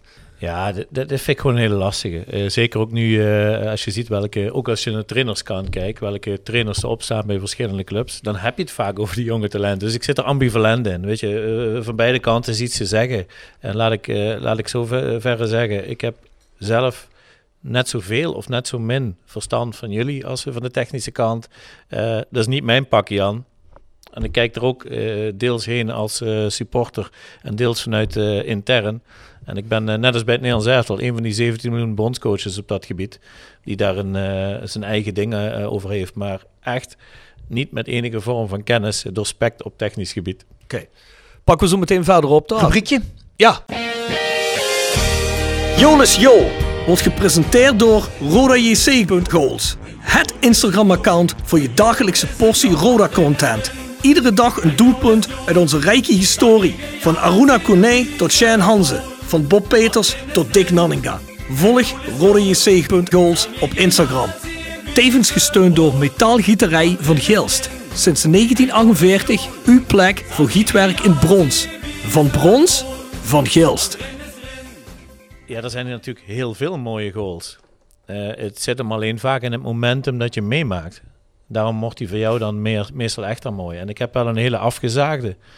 Maar dat is de goal van, ehm, van meneer Van Hiefte. Bij Breda uit. Ja, ja. Want ik kijk elke dag tegen zo'n shirtje aan in het bordeaux-rood. Eh, dat is ingelijst. Het hangt toevallig op mijn kantoor. En dan herinner ik me altijd aan dat moment. En ik Ja, weet, toen zat ik... Een van de weinige wedstrijden van topbeleving waar ik niet bij was. Maar die heb ik op de radio in de auto gehoord. Weg naar Zuid-Frankrijk, de Alpe d'Huez. En kan ik je één ding zeggen. In het stadion is het spannend. Maar als je in de radio gekluisterd zit in een auto... terwijl je aan het rijden bent over de Franse autoweg... En je draait daarna je auto op de vluchtstrook en begint rondjes te rennen om je auto heen. Dat menige Fransoos denkt, die maffe Nederlander is die aan doen. En dat is mijn herinnering aan die goal. En daarom vind ik Ja. hem zo speciaal. Dat is mooi. Ja, ik kan me herinneren toen eh, op die dag dat Rode uit bij NAC speelde, toen eh, ben ik niet mee geweest, want mijn eh, bonusdochter deed de communie. En mijn vrouw vond het toch eh, dat ik daarbij aanwezig moest zijn. Maar ehm, ja, toen hebben we eerst gewoon aan een tafel op de telefoon gekeken, zo met Tegman. Toen het echt spannend werd, na die, ehm, eh, die verlenging en dergelijke, toen hield ik het niet meer uit. Ben ik op de wc gaan zitten, met de, met, de telefoon. En eh, ja, dat durf je op een gegeven moment niet meer te kijken. Ik, ik geloof dat ik hem ook afgezet heb toen die speler van NAC in de laatste seconde die vrije trap nam. Ja, daar kon ik niet naar kijken. Toen heb ik hem gewoon afgeduwd. Ik denk, dat ik kijk over twee minuten wel of hij erin ging of niet. Dat kan, ik- kan ik op dat moment niet aan. Ja. Boah, zo spannend hè. Mega, mega, mega moment. Ja, ik zat uit, Fakkie. Het was, eh, was een goeie. Had je een mooie plek? Ja, ja, ja, ja. Bij NAC heb je eigenlijk altijd een klote plek als je in het uitvak zit. Dat is eigenlijk een verschrikkelijk uitvak. Maar uh, nee, maar dat was, uh, ja, dat was wel een topdag. Dat was een topdag. Ja, absoluut. Ja, ja. Moet ik zeggen. Vandaar ook dat wij natuurlijk ja, zo emotioneel betrokken zijn. Dat wij dat moment weer willen herbeleven. Hè? we willen weer naar de markt. Uiteraard. uiteraard. En liever vandaag dan morgen wat dat betreft. Ja. En die successen die willen wij ook weer. Ik bedoel, mogen duidelijk zijn. Dat wil iedereen in deze club. Ja, hey, maar Maurice, ik wil het heel even oppakken nog bij die communicatie. Want je zegt het zelf net al heel erg goed uh, in het begin van de podcast. Het is natuurlijk vaak zo dat mensen dingen zelf beginnen te interpreteren. Ik zal de eerste zijn die toegeeft dat wij dat natuurlijk ook doen. Omdat wij zoeken naar een verklaring waarom bepaalde beslissingen worden genomen. Waarom de bepaalde dingen gaan zoals ze gaan. Je zegt dat nu ook al in de podcast. Ja, wij weten natuurlijk waar we mee bezig zijn. Maar dan denk ik, ja goed, dat je een contractbespreking met een speler niet uh, uh, op het internet gooit, dat begrijp ik ook wel. Dat is ook niemands business. Dat is interne zaak. Of dat je het hebt over de contractverlegging van een stadion manager, daar gaat het ook niet om. Maar vind je het dan wel niet raar dat mensen zoiets hebben van ja, waarom wordt er niet gecommuniceerd wat eigenlijk nou de bedoeling is naar de toekomst toe? Ik heb altijd het gevoel dat Roda bang is om afgerekend te worden op een uitspraak die iets wat te ambitieus is. Ik heb dan zoiets, je mag toch best ambitie uitspreken als je op het einde van het seizoen zegt, ja jongens, dit willen we graag. Daar hebben we alles op ingezet, maar het is niet gelukt. Dan zegt iedereen, ja jongens, inderdaad, dat hebben we gezien. Pech, volgend seizoen beter. Maar als je aan het begin van het seizoen zegt, ja, we zien wel wanneer we promoveren. Want dat waren hè, de uitspraken van, ik weet niet of jij ook in het interview zat. Nee, nee, nee zat je, dat was voor jouw tijd volgens mij. Ja, ja, klopt. Was, was met, voor uh, tijd, ja. Roger Houdini is... Uh... Roger Odenius, uh, Jurgen Streppel en Joris Peters. Was dat Joris of was ja. Martijn Wijsman? Nee, dat was Joris Peters. Was dat Joris? Ja. in ieder geval met Roger Odenius. Dan zei Jurgen Streppel, ja, we zien wel wanneer we promoveren ooit. En ja, dat komt net na die Excelsior playoff, waar iedereen zoiets had van, ja goed, we hebben verloren, maar we zaten hier met 14, 15.000 man. Het was weer top, het was een heerlijk gevoel. Uh, je had weer het gevoel dat Roda kon we mensen trekken, mensen waren geïnteresseerd. En dan komt dan zo'n mededeling. Dat denk ik bij mezelf. Ja, maar je mag toch best als een club zoals Roda ook al heb je een tiende budget, dat boeit allemaal niet. Je moet toch, je moet toch ambitie uitschalen. Je wilt toch aan de mensen zeggen, luister, wij willen dit, we willen dat en daar gaan we heen werken. Dit gaat er gebeuren, dit willen we doen. En je hoeft niet te zeggen, het spelersbudget is 1,3,5. Veel, daar gaat het toch helemaal niet om. En ik zeg dit, niet omdat ik het zelf denk, maar dit is wat ik op al mijn appgroepen lees dat mensen, en dat pak ik ook weer even, ik wil er niet de hele tijd over doorzeuren, maar ik, ik weet niet of bij Roda zich iedereen wel realiseert, als je niet communiceert en het gaat op het veld zoals het gaat, want dat zien de mensen. Die zien niet wat jij op kantoor doet. Hè? Dat zeg je zelf ook. Mensen haken echt massaal af. En ik ben een beetje bang als dit seizoen als een nachtkast uitgaat. De prognose is dat dat wel gaat gebeuren, hopelijk niet. Maar als het zo gebeurt, dan ben ik wel echt bang dat dat zijn weerslag gaat hebben. Of wat er dan volgend seizoen en aan seizoenskaarten verkocht gaat worden.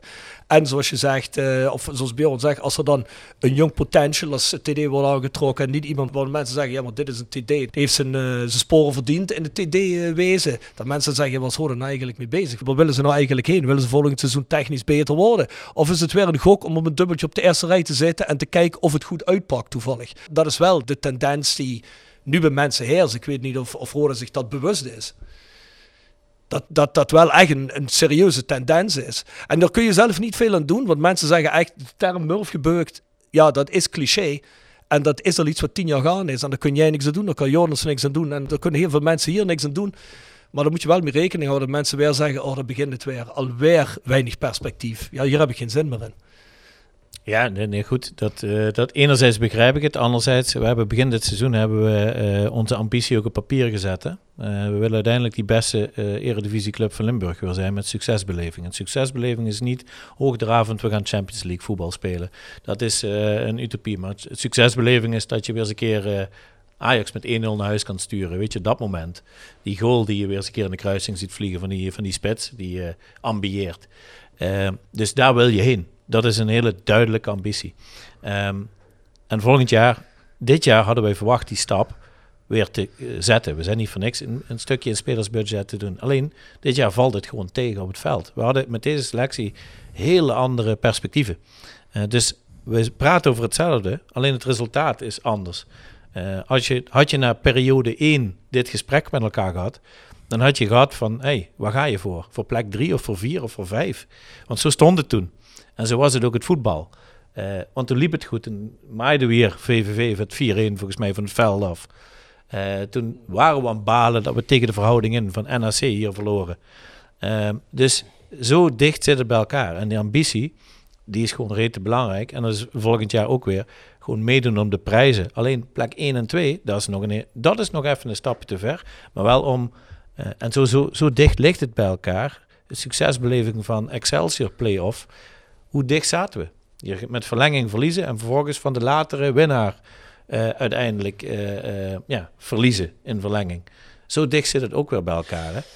Ja, precies. En, ja, en, ik, en, nog sterker, hoe dicht zit het bij elkaar dat je hier een speler op het veld hebt gehad die toen het tempo van Excelsior bepaalde, misschien zelfs op de middenlijn met rood van het veld had, gestuurd mogen worden omdat hij een doorcharge had op Berker en die speelt nu Nederlands elftal, die jongen. We hebben het over Mats Wiefer. Ja, ja, hoe, dicht zit het bij elkaar? En, en je hebt het vermoeden dat je een selectie samenstelt die net iets meer waarde is dan vorig jaar. Simpelweg omdat je budget hoger is. Daardoor iets betere spelers kan aantrekken. Maar achteraf heb je natuurlijk ook een paar spelbepalers verloren die niet allemaal even goed door de huidige selectie zijn opgevangen. Ja, dat is, dat is echt stikke balen. Maar dat is niet ambitieloos. Nee, je moet voor die prijzen mee eh, spelen. We zijn niet een meeloper die nog maar even een paar jaar willen doorzingen. Nee, we zeggen wel dat die fundering goed moet zijn, maar er zit echt wel een drijvende ambitie achter om hier eh, dit stadion weer terug te brengen naar het hoogste niveau waar we horen. Nee, maar ja, ik, ik blijf wel van mening dat als je vindt dat, eh, dat die club op het hoogste niveau hoort, en dat vinden we allemaal, hè, en je weet dat mensen zo naar succes snakken, want we gaan dadelijk het zesde of zevende jaar, Zesde. zesde jaar KKD in, ja, je, bedoel, dan, dan, dan vind ik het wel dat er intern besproken zou moeten worden. Hè, of je niet dat hele proces, waar jij nu ook mee bezig bent, met stappen maken commercieel, of je niet toch als een soort vliegwiel dat proces moet zien te versnellen. Dat het misschien niet vier jaar gaat duren volgens schema, maar dat het misschien één of twee jaar gaat duren. Hè, om, om- omdat bepaalde eh, processen qua publiek, qua commercie, eh, ja, dat dat toch allemaal versneld gaat worden. En dat vergt dan wel een extra investering aan de voorkant. Maar ik vraag me wel eens af of dat dan binnen de club ehm, eh, onderwerp van gesprek is. Of dat dat gewoon eh, iets is van wat in het verleden was. Van ja, valt niet over te praten, dit krijg je en daar blijft het bij. Of dat je misschien zou moeten zeggen van ja jongens, het moet wel toch allemaal iets sneller gaan. Dus we moeten dat misschien iets gaan bijsturen, die gedachten die we daarover hebben. Ja, daar zijn we constant mee bezig met kijken waar kunnen we de rek in doen. Hè. We weten, nogmaals, we weten waar we heen willen en of we dat 4, 3, 2, 1, het liefst één jaar over doen. Ja. Alleen, eh, je moet wel realistisch blijven. En als, je, als ik nu roep, volgend jaar hebben we datzelfde budget al te pakken, zou dat nu onrealistisch zijn. Maar als we volgend jaar weer eenzelfde stijging doen, wordt vier jaar, misschien wel twee jaar. Dus natuurlijk, daar werk je eh, keihard aan. Ehm, ambitie gecombineerd met realisme. Want op Ja. dit moment zijn er, zijn er natuurlijk, dat moeten we ook niet vergeten, eh, wij willen dat keihard. Maar er zijn nog tien ploegen die datzelfde op dit moment willen. En dan gaan er daar twee door, eentje misschien. Er zijn er zeven die zijn teleurgesteld.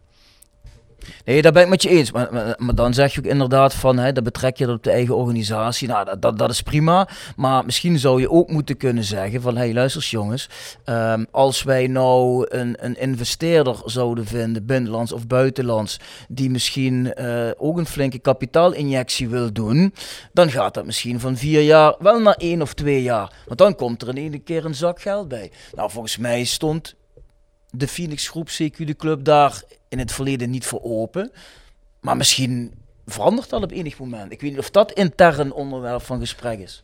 Ja, natuurlijk. Eh, nog sterker, eh, de Phoenix Groep, en eigenlijk klopt die naam niet meer. Hè? Want eh, Roda is alweer uit de as verrezen. Want toen ze begonnen was Roda er niet meer. Hè? Door de Phoenix Groep zijn we überhaupt bestaan we nog. Hè? Want toen was het klaar. Dus Phoenix was toen gepast. Verrijzen is uit de as, is nu niet meer gepast. Want we zijn er klaar. We zijn goed bezig, gezond. Dus eigenlijk zou het sowieso een andere naam moeten krijgen wat mij betreft. Eh, en die groep is ook geen ivoren toren. Die zouden eigenlijk het liefst veel meer eh, leden willen hebben. Lees investeerders die dezelfde ambities hebben met de club. Dus Ja. dat is geen gesloten bolwerk. Dus als er... eh, maar dan het liefst wel, en dat is wel echt een voorsprong die je daarin eh, wilt nemen, die ook regionaal georiënteerd zijn en de passie voor deze regio hebben.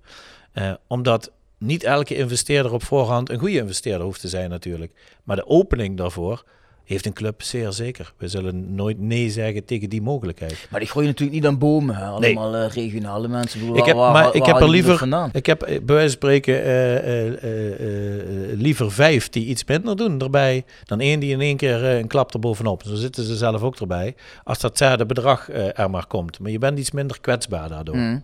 Ze Maar, die, maar, maar oké, maar die zochten ze een jaar geleden bij wijze van spreken ook al. Dus die zullen er misschien wel niet zijn. Want anders waren ze er al geweest, toch? Of die zijn nog niet, nou ja, dat weet ik niet. Kijk, een club heeft ook af en toe het nodige vertrouwen op te bouwen. En het vertrouwen eh, in deze club was niet bij iedereen even groot natuurlijk de afgelopen eh, periodes. En ja, daar is ook flink aan gewerkt om dat vertrouwen eh, af te breken. Dus vertrouwen, hoe zeggen ze dat altijd mooi?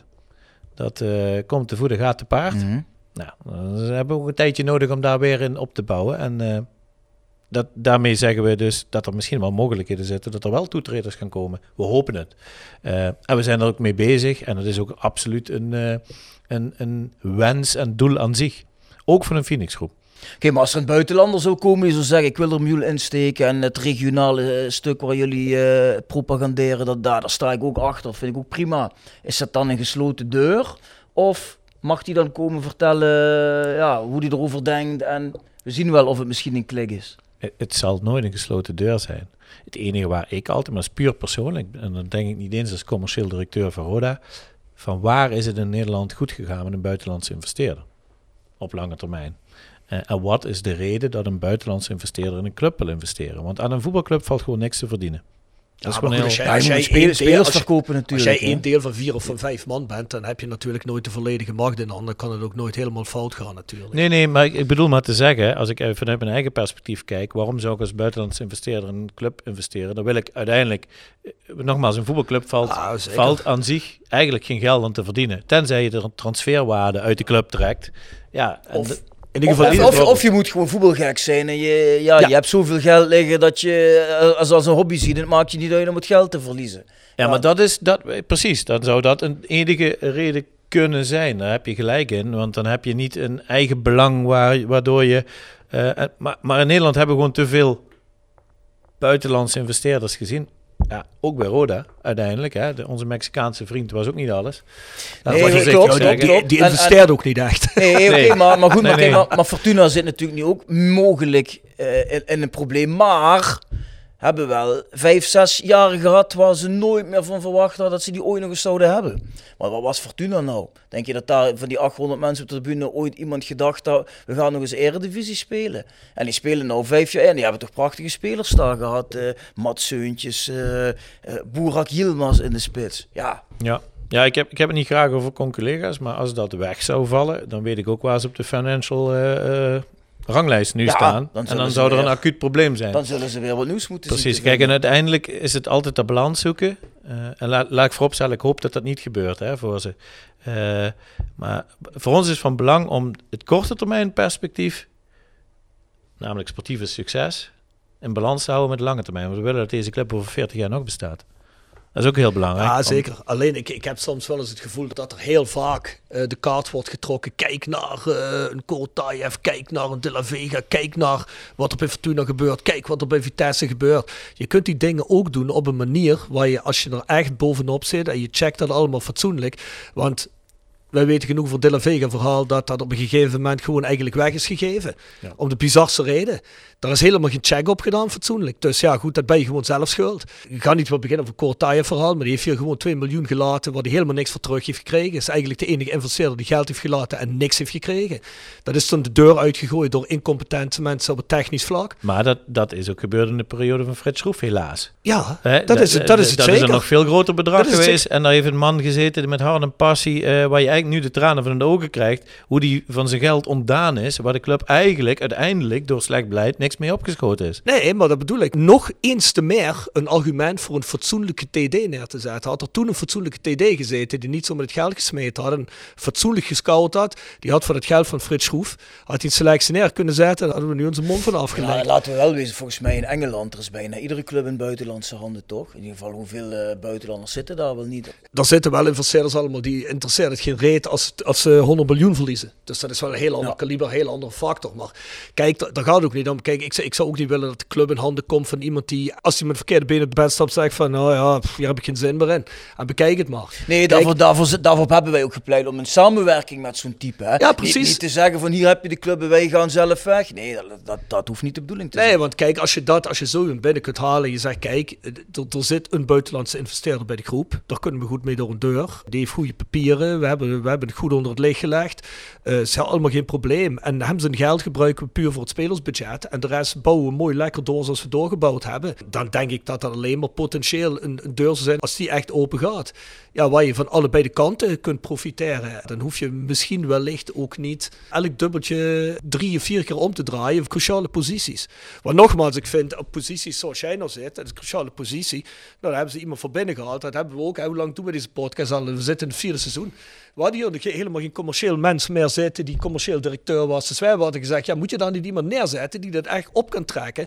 Nou, ik wil niet zeggen, kijk, we hebben gelijk gekregen. Voor hetzelfde geld had je er geen pannenkoek van gemaakt. Nee, maar ik moet je toch gelijk geven in deze. Nee, ja, maar, nee, maar dat is wel zo.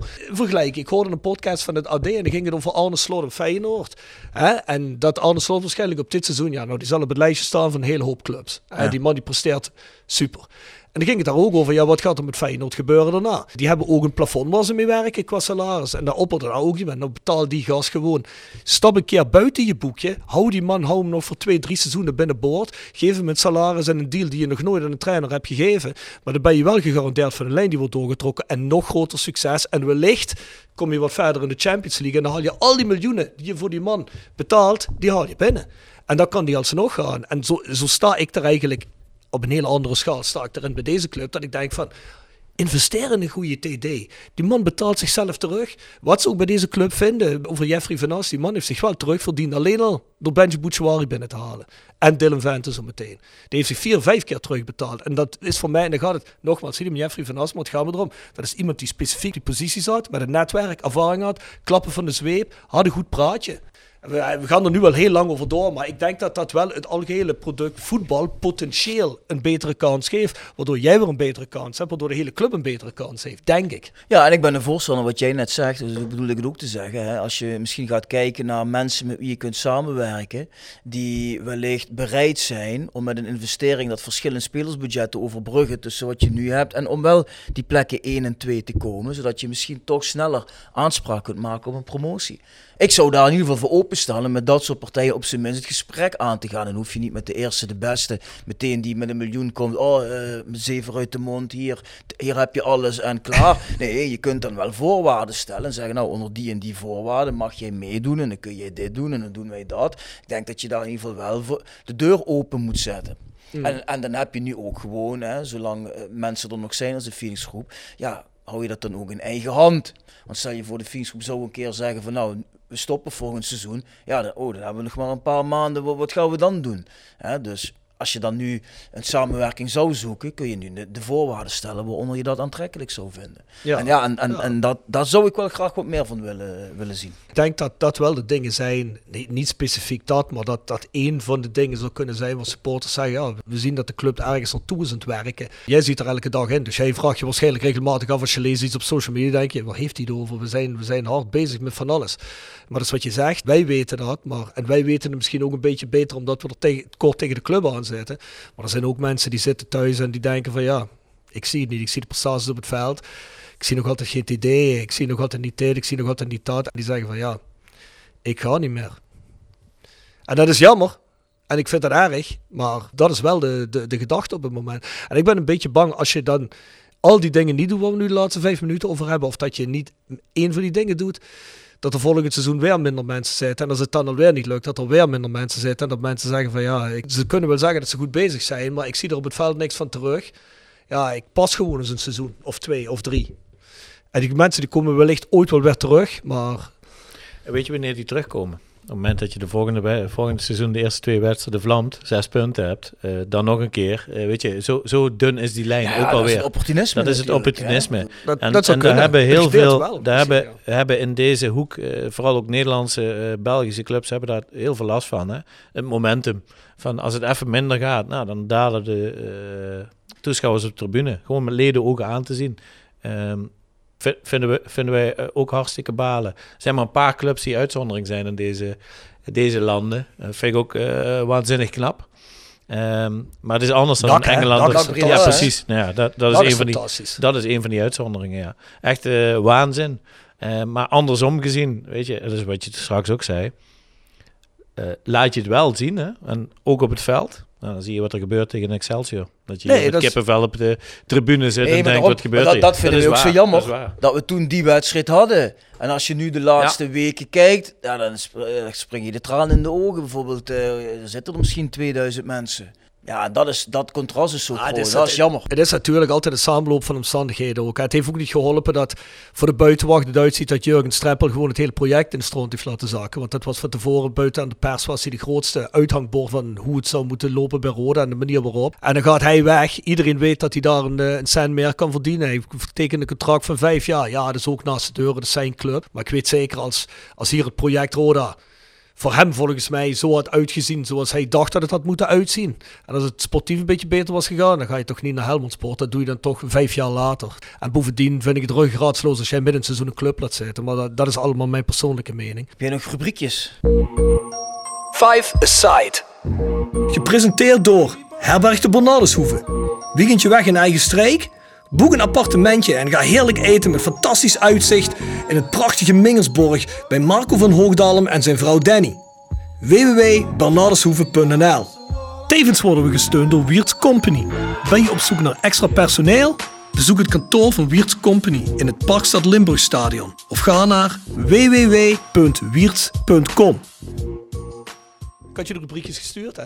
Klopt. Klopt. Klopt. Maar ik realiseert hij zich Klopt. Ja, ja, ja, ja. Nee, nee, nee, nee. Want ik, eh daar was er eentje bij. Daar moest ik over nadenken. Moest ik namen opschrijven. Ja, precies, dat is deze. Ja, dat dacht ik al. Kon ik hem zelf aan? Nee, ja, ik heb hem net aangekondigd, Five Aside, doe maar. Ja, ja, ja. Die, eh, die, die vijf mooie spelers die samen ervoor moeten zorgen dat, eh, dat mijn teampje voor vijf wint. Ja, ja, zeker. Je bent- Ja. Jij bent de trainer, neem ik aan. Ehm, ja, dat, dat zal er wel moeten, toch? Ja, ja, zeker. Absoluut. Ehm, ik neem aan dat je een team hebt, want je nauwelijks hoeft te coachen, wat dat ook zo gaat winnen. Daar ga ik vanuit. Oké. Ja. Maar ik, ik zal achterin beginnen. Je hebt toch een keeper nodig, hè? Dat is één van die vijf, neem ik even Dat aan. mag. Oh, je, mag, je mag van mij per ook een zes doen, dat maakt niet uit. Nee, ik heb vijf. Vijf is vijf. hè? En eh, in de goal staat iemand die is lang. En daar heb ik altijd bewondering voor gehad. Die heet eh, Primislav Titon. Ah, Titon. Ja, ik weet niet waarom, maar die heeft me altijd ergens eh, ja, met zijn uitstraling eh, bekoord. Eh zei het dat hij hier een keer tegen, tegen de paal is beland met een ambulance volgens mij weggevoerd is. Misschien is dat het wel geweest. Maar ik dacht altijd, die gaat door beton. Dat vind ik mooi. Titon, beton, dat lijkt een beetje op elkaar. Dus Lijkt een beetje op elkaar, ja. daarom. Ehm, verdedigend moet je iemand hebben die de boel dicht houdt. Want ik heb maar één verdediger op staan. Maar één verdediger. zeker. Ja, ik, ik kan denk wel kan die dit aanvallen. eentje? Een paar Maduka kan dat. Want die, eh, die hoeft alleen maar te kijken en dan is hij klaar. dat is gewoon heel makkelijk. Hè? Hoeft niet eens wat te doen. Middenvelders heb ik twee vreters die ook nog eens creatief kunnen zijn. Eentje die nooit een bal verliest. Ruud Vormer. En de andere die de agressie combineert met creativiteit. Barry van Galen. Ja, van genoten Barry van Galen. Ja. Dus iedere week genieten. Schitterende voetbal. En eh, Ruud Vormer ook trouwens wat dat betreft. Ja, dat is eh, waanzin. Super middenvelder. En dan heb je voorin een eh, snelle, kopsterke, creatieve, technische jongen nodig. Aruna Kone. Is dat de beste voetballer die we Oh, dat ooit bij. Rode gezien kunnen. hebben? Misschien ook wel e- een van de beste spitse koppels samen met Jannis. Ja. Ja, nee, dat denk ik wel dat dat de beste is die we gezien hebben. Dat denk ik wel. Overigens hebben de Oranje Leeuwinnen net op social media gedeeld. Nieuws op 2 juli, kwart voor negen s'avonds, een uitzwaaiwedstrijd tegen België in Kerkrade. Hey, Hoppatee. die tikken we toch even lekker binnen, hè? Dat bedoel ik. Zeker. Ik zie met een leuke foto van Lieke Martens. Dus, eh wat wil Ja? je nog meer? Oh, dan komt eh, misschien eh dingetje nog een keertje terug, hè? Benjamin Ben van je Leer. Of is Wie het al weet. uit? Wie weet? Nee, is niet uit volgens mij. Als had je dat wel gelezen in de, hoe heette ze? De story of zo, of de privé. Zal Benjamin dan weer interviews geven, of niet? Toen we twee seizoenen geleden vroegen voor de podcast, zei hij, ik geef op dit moment geen interviews. Oh ja, klopt inderdaad. Ja. Ik dacht dat Hij dat zit in de makelaardij nou, toch? Ja, dat weet ik niet. Ik dacht dat altijd de president dat soort uitspraken deed, of popsterren of zo. Maar Benjamin van was ik dat niet van gewend. Misschien kunnen we hem rond de wedstrijd een keer vragen. Kunnen samen met Lieke langskomen? Dat zou toch leuk zijn? Misschien is hij een beetje bang voor jou. Kom, we hebben lang genoeg gepraat over de dingen waarvan we vinden, ja, die, die zouden beter kunnen. Ik had hier nog iets waarvan ik dacht van, ja, dat moet ik toch Ah ja, daar zei. Ja. Hey, ehm, je zegt er is nog winst te behalen op een aantal dingen. Hè? We, zijn nog, we zijn nog lang niet klaar. Dat is goed om te horen. Wat zijn nou je grootste projecten eh, waar je op het moment aan, aan werkt? Waar jij van denkt, nou, dan neem ik aan dat er een shirt sponsor bij zit. Ik neem aan dat je het liefst een shirt sponsor toch zal willen vastleggen voor een mooi bedrag. Misschien voor meerdere seizoenen, voor één seizoen, weet ik niet. En ja, de stadionnaam, hoe zit het daar eigenlijk mee? Uh, nou, shirt, shirt logisch. We gaan geen nee zeggen als er iemand voor meerdere jaren uh, tekent. Alleen het is helemaal niet zo verkeerd om met vier kwartalen te werken. Want de optelsom van vier kwartalen hoeft echt niet minder te zijn dan een seizoen. Mhm. Integendeel, je maakt het eigenlijk toegankelijker voor meer bedrijven om toch enorm in die exposure te zitten. Uh, dus je, je bent ook vier keer een bedrijf groots aan rode in plaats van één keer. Dus uh, naar volgende seizoenen toe, of volgend seizoen, um, kijken we of dat misschien een model is wat we nog verder kunnen uitbouwen. Dus dat is, is dat niet wel veel meer stress?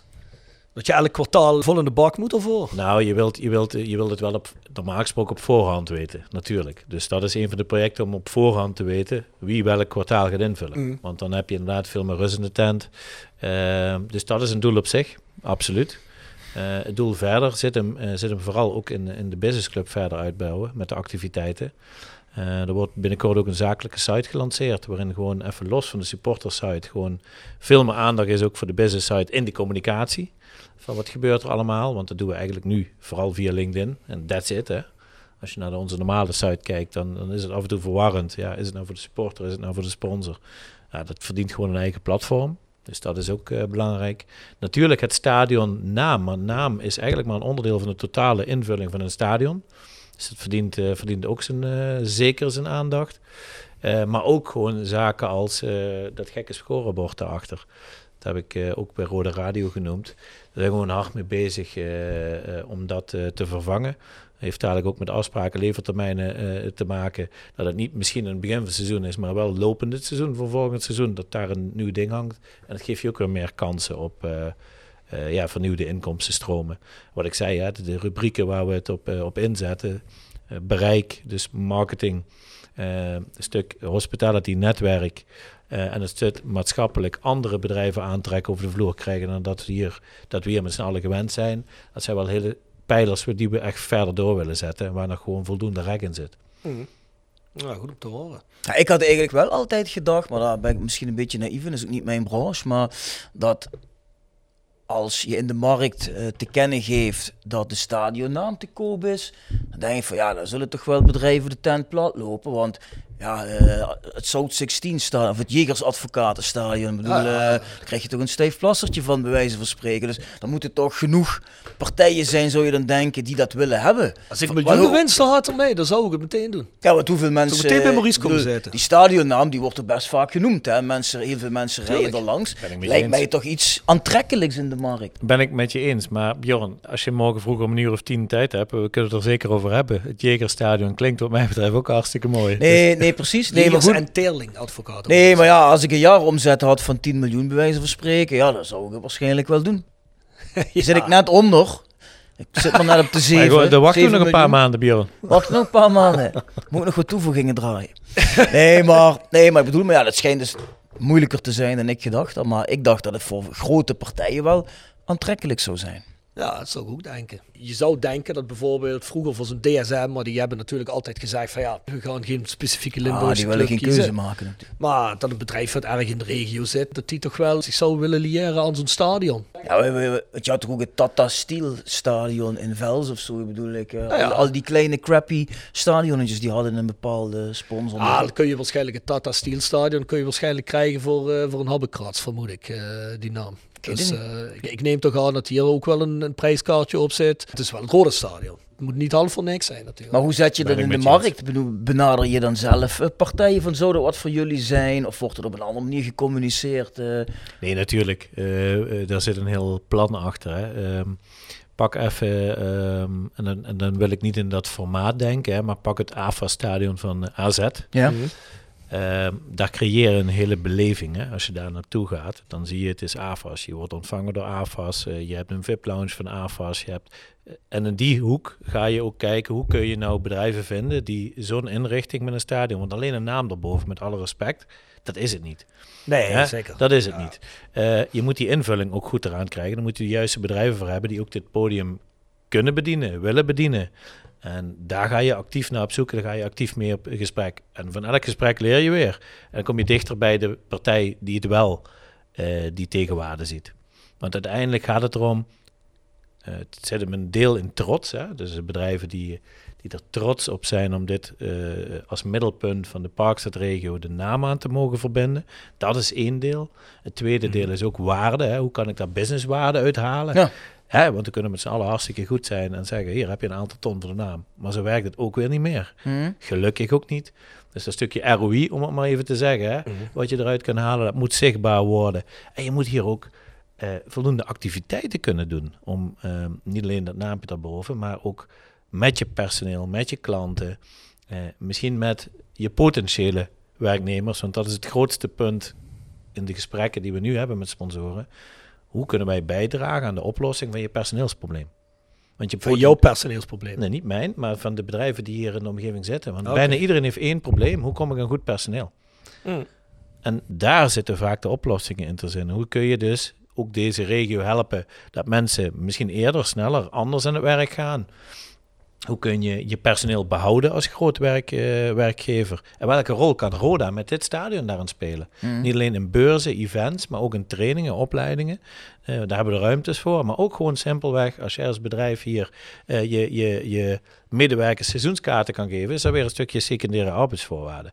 En al die, die, die pallets, dat is een heel nieuw stuk. Arbeidsmarkt is voor ons dadelijk ook weer een groeimarkt. Waar we absoluut een rol in willen spelen. Ja, klinkt goed. Ja, netjes. Ja, doet hij niet verkeerd, die Maurice, hè? Ik denk dat hij zich voorbereid heeft. Nou, ik denk dat dat gewoon Ik denk dat hij vanmiddag, is. dat hij vanmiddag, dat, ik denk dat hij vanmiddag gedacht heeft, waar komen die eh, gekken nou mee met wat voor flauwe, voor flauwe Wat zal ik eens verzinnen? Hè, dan Ja, gaat ja. hij denken, ga ik even goed beslagen ten ijs. Dat zou je ook eens vaak moeten doen, wat beter voorbereid zijn. Ja, ja, zeker. Ja, dat, je, dat je daar eens lering uit trekt. Ja, ja, zeker, zeker, zeker.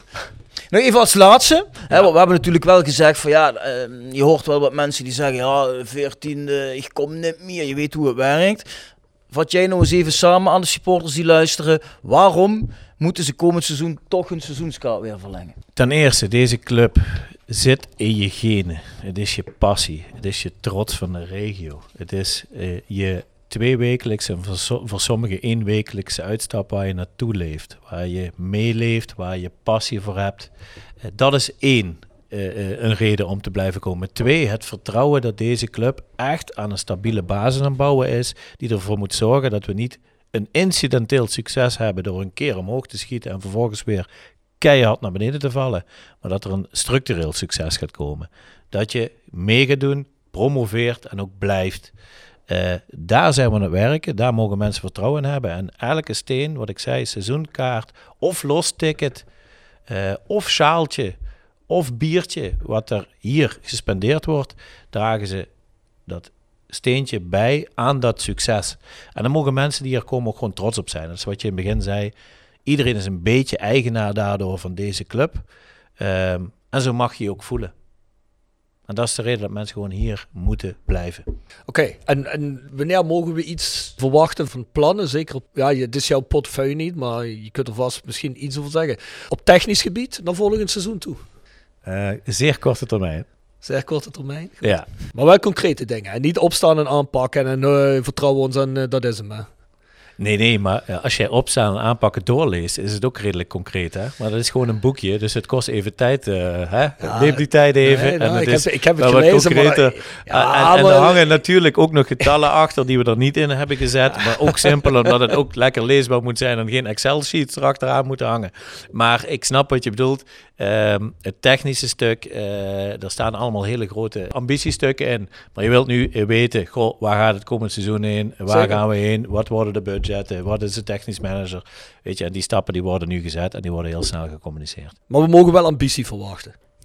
Je moet ambitie verwachten. Maar dat wordt ook uitgesproken. En dat wordt ook uitgesproken, ja. Daar ben ik blij om. Hopelijk gaan we dan ook zo ageren. Ja, ik zeg hopelijk, want ik weet het niet. Ik moet wachten tot, eh, tot, die, eh, tot die mededelingen komen die jij... eh, Nou ja, die ambitie die kan ik je bij deze wel, eh, eh, wat ik zeg, toekennen. We hebben ambitie, we willen naar voren, we willen beleving. Dus ik hoef niet meer in een krant te lezen. We zien wel wanneer we promoveren. Nee, Oké, goed zo. Of Nee. ja, je moet nooit te hoge verwachtingen uitspreken, want dan raak je teleurgesteld. Hij wil geen mensen horen, Maurice. Nee, Kun je nee, je voorstellen als jij naar een sponsor gaat, als hij zegt, wat kun je me bieden? Ja, je moet niet te hoge verwachtingen hebben. Dan zegt hij, oh je, want wij zijn de klant hier bij Roda. Ja, 100%. Ik bedoel, ik ben zo gek en hij ook. We komen altijd wel, we geven altijd wel het geld uit. Maar er zijn wel mensen die zeggen, los me eens zien wat op de dus kunt. Dus eh, ik begrijp het.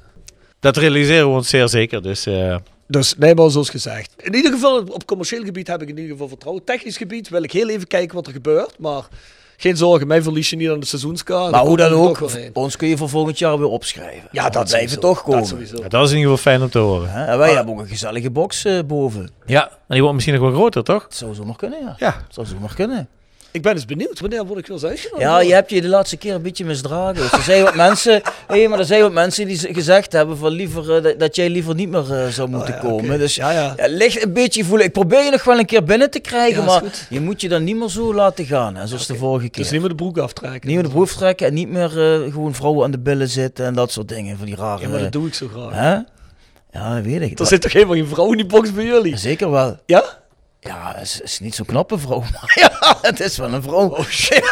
Nu heeft hij Ja, zich de problemen geluld. nu. Oei, oei, oei, oei. Laten we maar afsluiten, want het niveau eh, gaat eh, zien er... eh, Ja, we Zien hebben wel een sterk sorry nodig van Maurice. Ja, die zal hij toch wel hebben na een jaar. Een sterk verhaal. Ja, niet, niet na een jaar Roda. Ik heb eigenlijk meer een sterk verhaal als supporter. Mag dat ook? Dat mag ook. Stichtpunt Sterke Stories. Gepresenteerd door, Stichtpunt Tattoo Kerkrade. tevens gesteund door Van Ooyen Glashandel. Sinds 1937 vervangen en repareren wij al uw glas met veel passie en toewijding. Met 24 uur service. www.vanooyen.com En Quick Consulting. Laat finance waarde toevoegen aan je organisatie. We komen graag met je in gesprek om aan de hand van concrete voorbeelden duidelijk te maken hoe we dit ook binnen jouw onderneming kunnen realiseren. Think win-win, think quick. www.quickconsulting.nl Tevens gesteund door Roda Arctic Front. Eh, Ja, ik, ik herinner mezelf dan altijd aan die bekerfinale tegen NEC 2-0. En dat je dan met een groep van vier man gaat. ehm, je auto helemaal versiert. Je haren spuit. Geel. Nee jong, dat heb je toch gedaan? Ja, ja, ja. Op weg gaat. Maar het was die dag regenachtig. En een beetje zon, en een beetje regen en een beetje zon. Dus het eerste wat je dan tegenkomt is dat eh, de verf van de slingers afloopt van de auto. En dat je bekleding opeens geel is in plaats van beige. Dus dat was het eerste moment dat ik me kan herinneren. En het tweede moment is dat door, ik weet het niet, door die weersinvloeden de haren niet meer geel waren, maar groen. En Dat wil dat, je net niet hebben. dat precies, dat je met vier man in een stadion staat. Met groene haren, dat je je best wel ongelukkig voelt. En denkt, oh, hoe is dit kunnen gebeuren? Maar we hebben toch een fantastische bekerfinale gehad.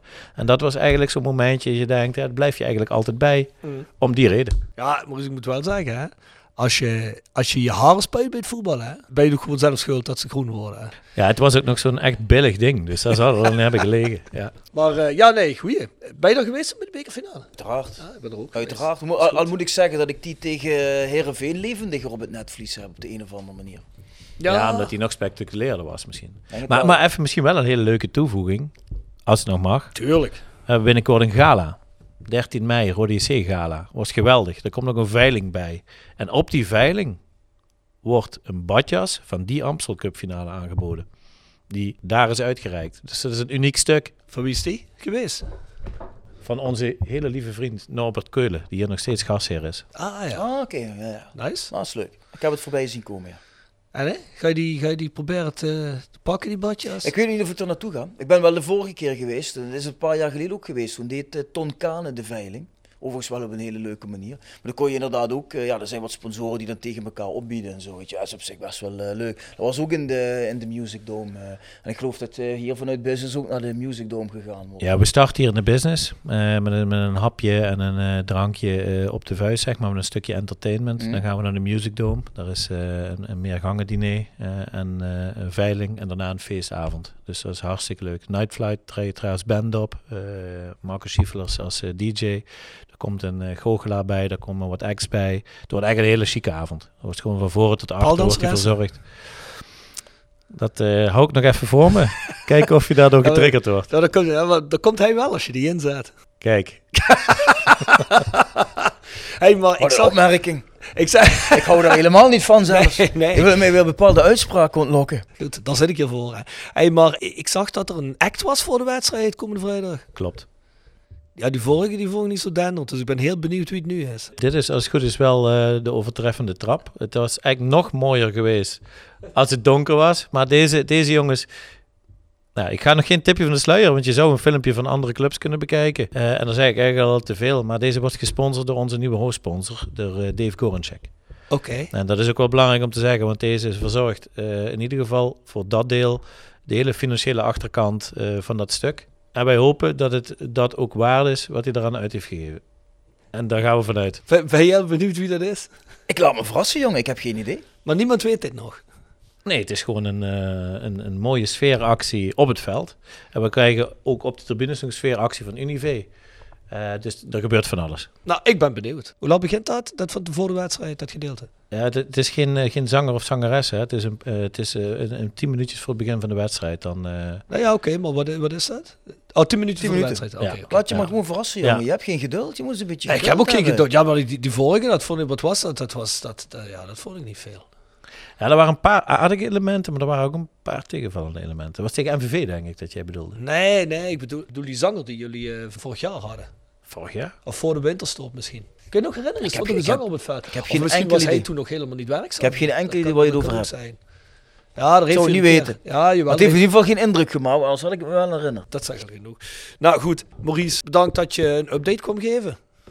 Geen dank. was leuk om hier te zitten. Ja. Trek die lijn door. dat de we- commerciële lijn. Dat gaan Want we... ik moet zeggen, de bedragen die je noemt, ook eh, netjes dat je ze noemt. Ja, Dat klinkt in ieder geval eh, ja, dat je goed aan de weg getimmerd bent. Nou ja, niet duur. Dat zijn we met z'n allen aan het doen. Met, Jullie? een, eh, met een Ja, heel team en eh, alle ondersteunende diensten. En dat, eh, dat moet absoluut gezegd worden. En eh zelfs ondanks, kijk, we zitten allemaal zitten we ons met, on- met, met die uitslagen in de maag. Maar ondanks dat is het kop op en doorgaan. Die energie blijft erin. En dat is ook wel belangrijk om te vermelden. En dat is echt wel een compliment waard aan, eh, aan het hele kantoorpersoneel en het team wat eronder zit. mooi. Top. Wat een mooi resultaat. hey, Bjorn, Ja, partners van de podcast. Jegers en Telling Advocaten. next door Hair, Nail en Beauty Salon. Hotelrestaurant de Vellerhof. Herberg de Bernardeshoeve. Noordwand. Rapi Autodemontage. Van Ooije Glashandel. Quick Consulting. Eh Herberg de... Oh, wat zei ik nou? Wiertz Company, sorry. Dat is moeilijk hè, van een blaadje lezen. Fendo Merchandising. Nederlands Museum. Roda Support. PC Data. Metaalgieterij van Gilst. Willeweber Keukens. Stichtpunt Tattoo Kerkrade. TVOK Support Noord. En Rode Arctic Front. Roda fans uit. Scandinavië, Maurice. Maurice luistert, Ja, niet, top. Maurice luistert niet genoeg, vind ik. Nee, maar luister niet tot het dus- einde. Nee, maar hij zet hem al af eh, voor, de, voor, de, e- voor de afkondiging. Ja, hoor, hij- Nee, nee, Als nee. hij- nee. als Ik, wij wel beginnen ik te kan zeiken, juist de hij sponsors wel waarderen, dus dat kan ik niet maken. Hij is aandachtig aan het luisteren. Wie zit er nog niet bij ons in die businessclub? Ja, ja, Eh, ja, ja, eh, ja, die gaat die bellen. Die gaat die bellen. Hey, het e-mailadres is thevoiceofcalais@south16.com. De shop is south16.com en de voice match die vind je op petjeaf.com. Schuine streep naar voren, de Voice of Calais. Tot volgende week. Tot volgende week.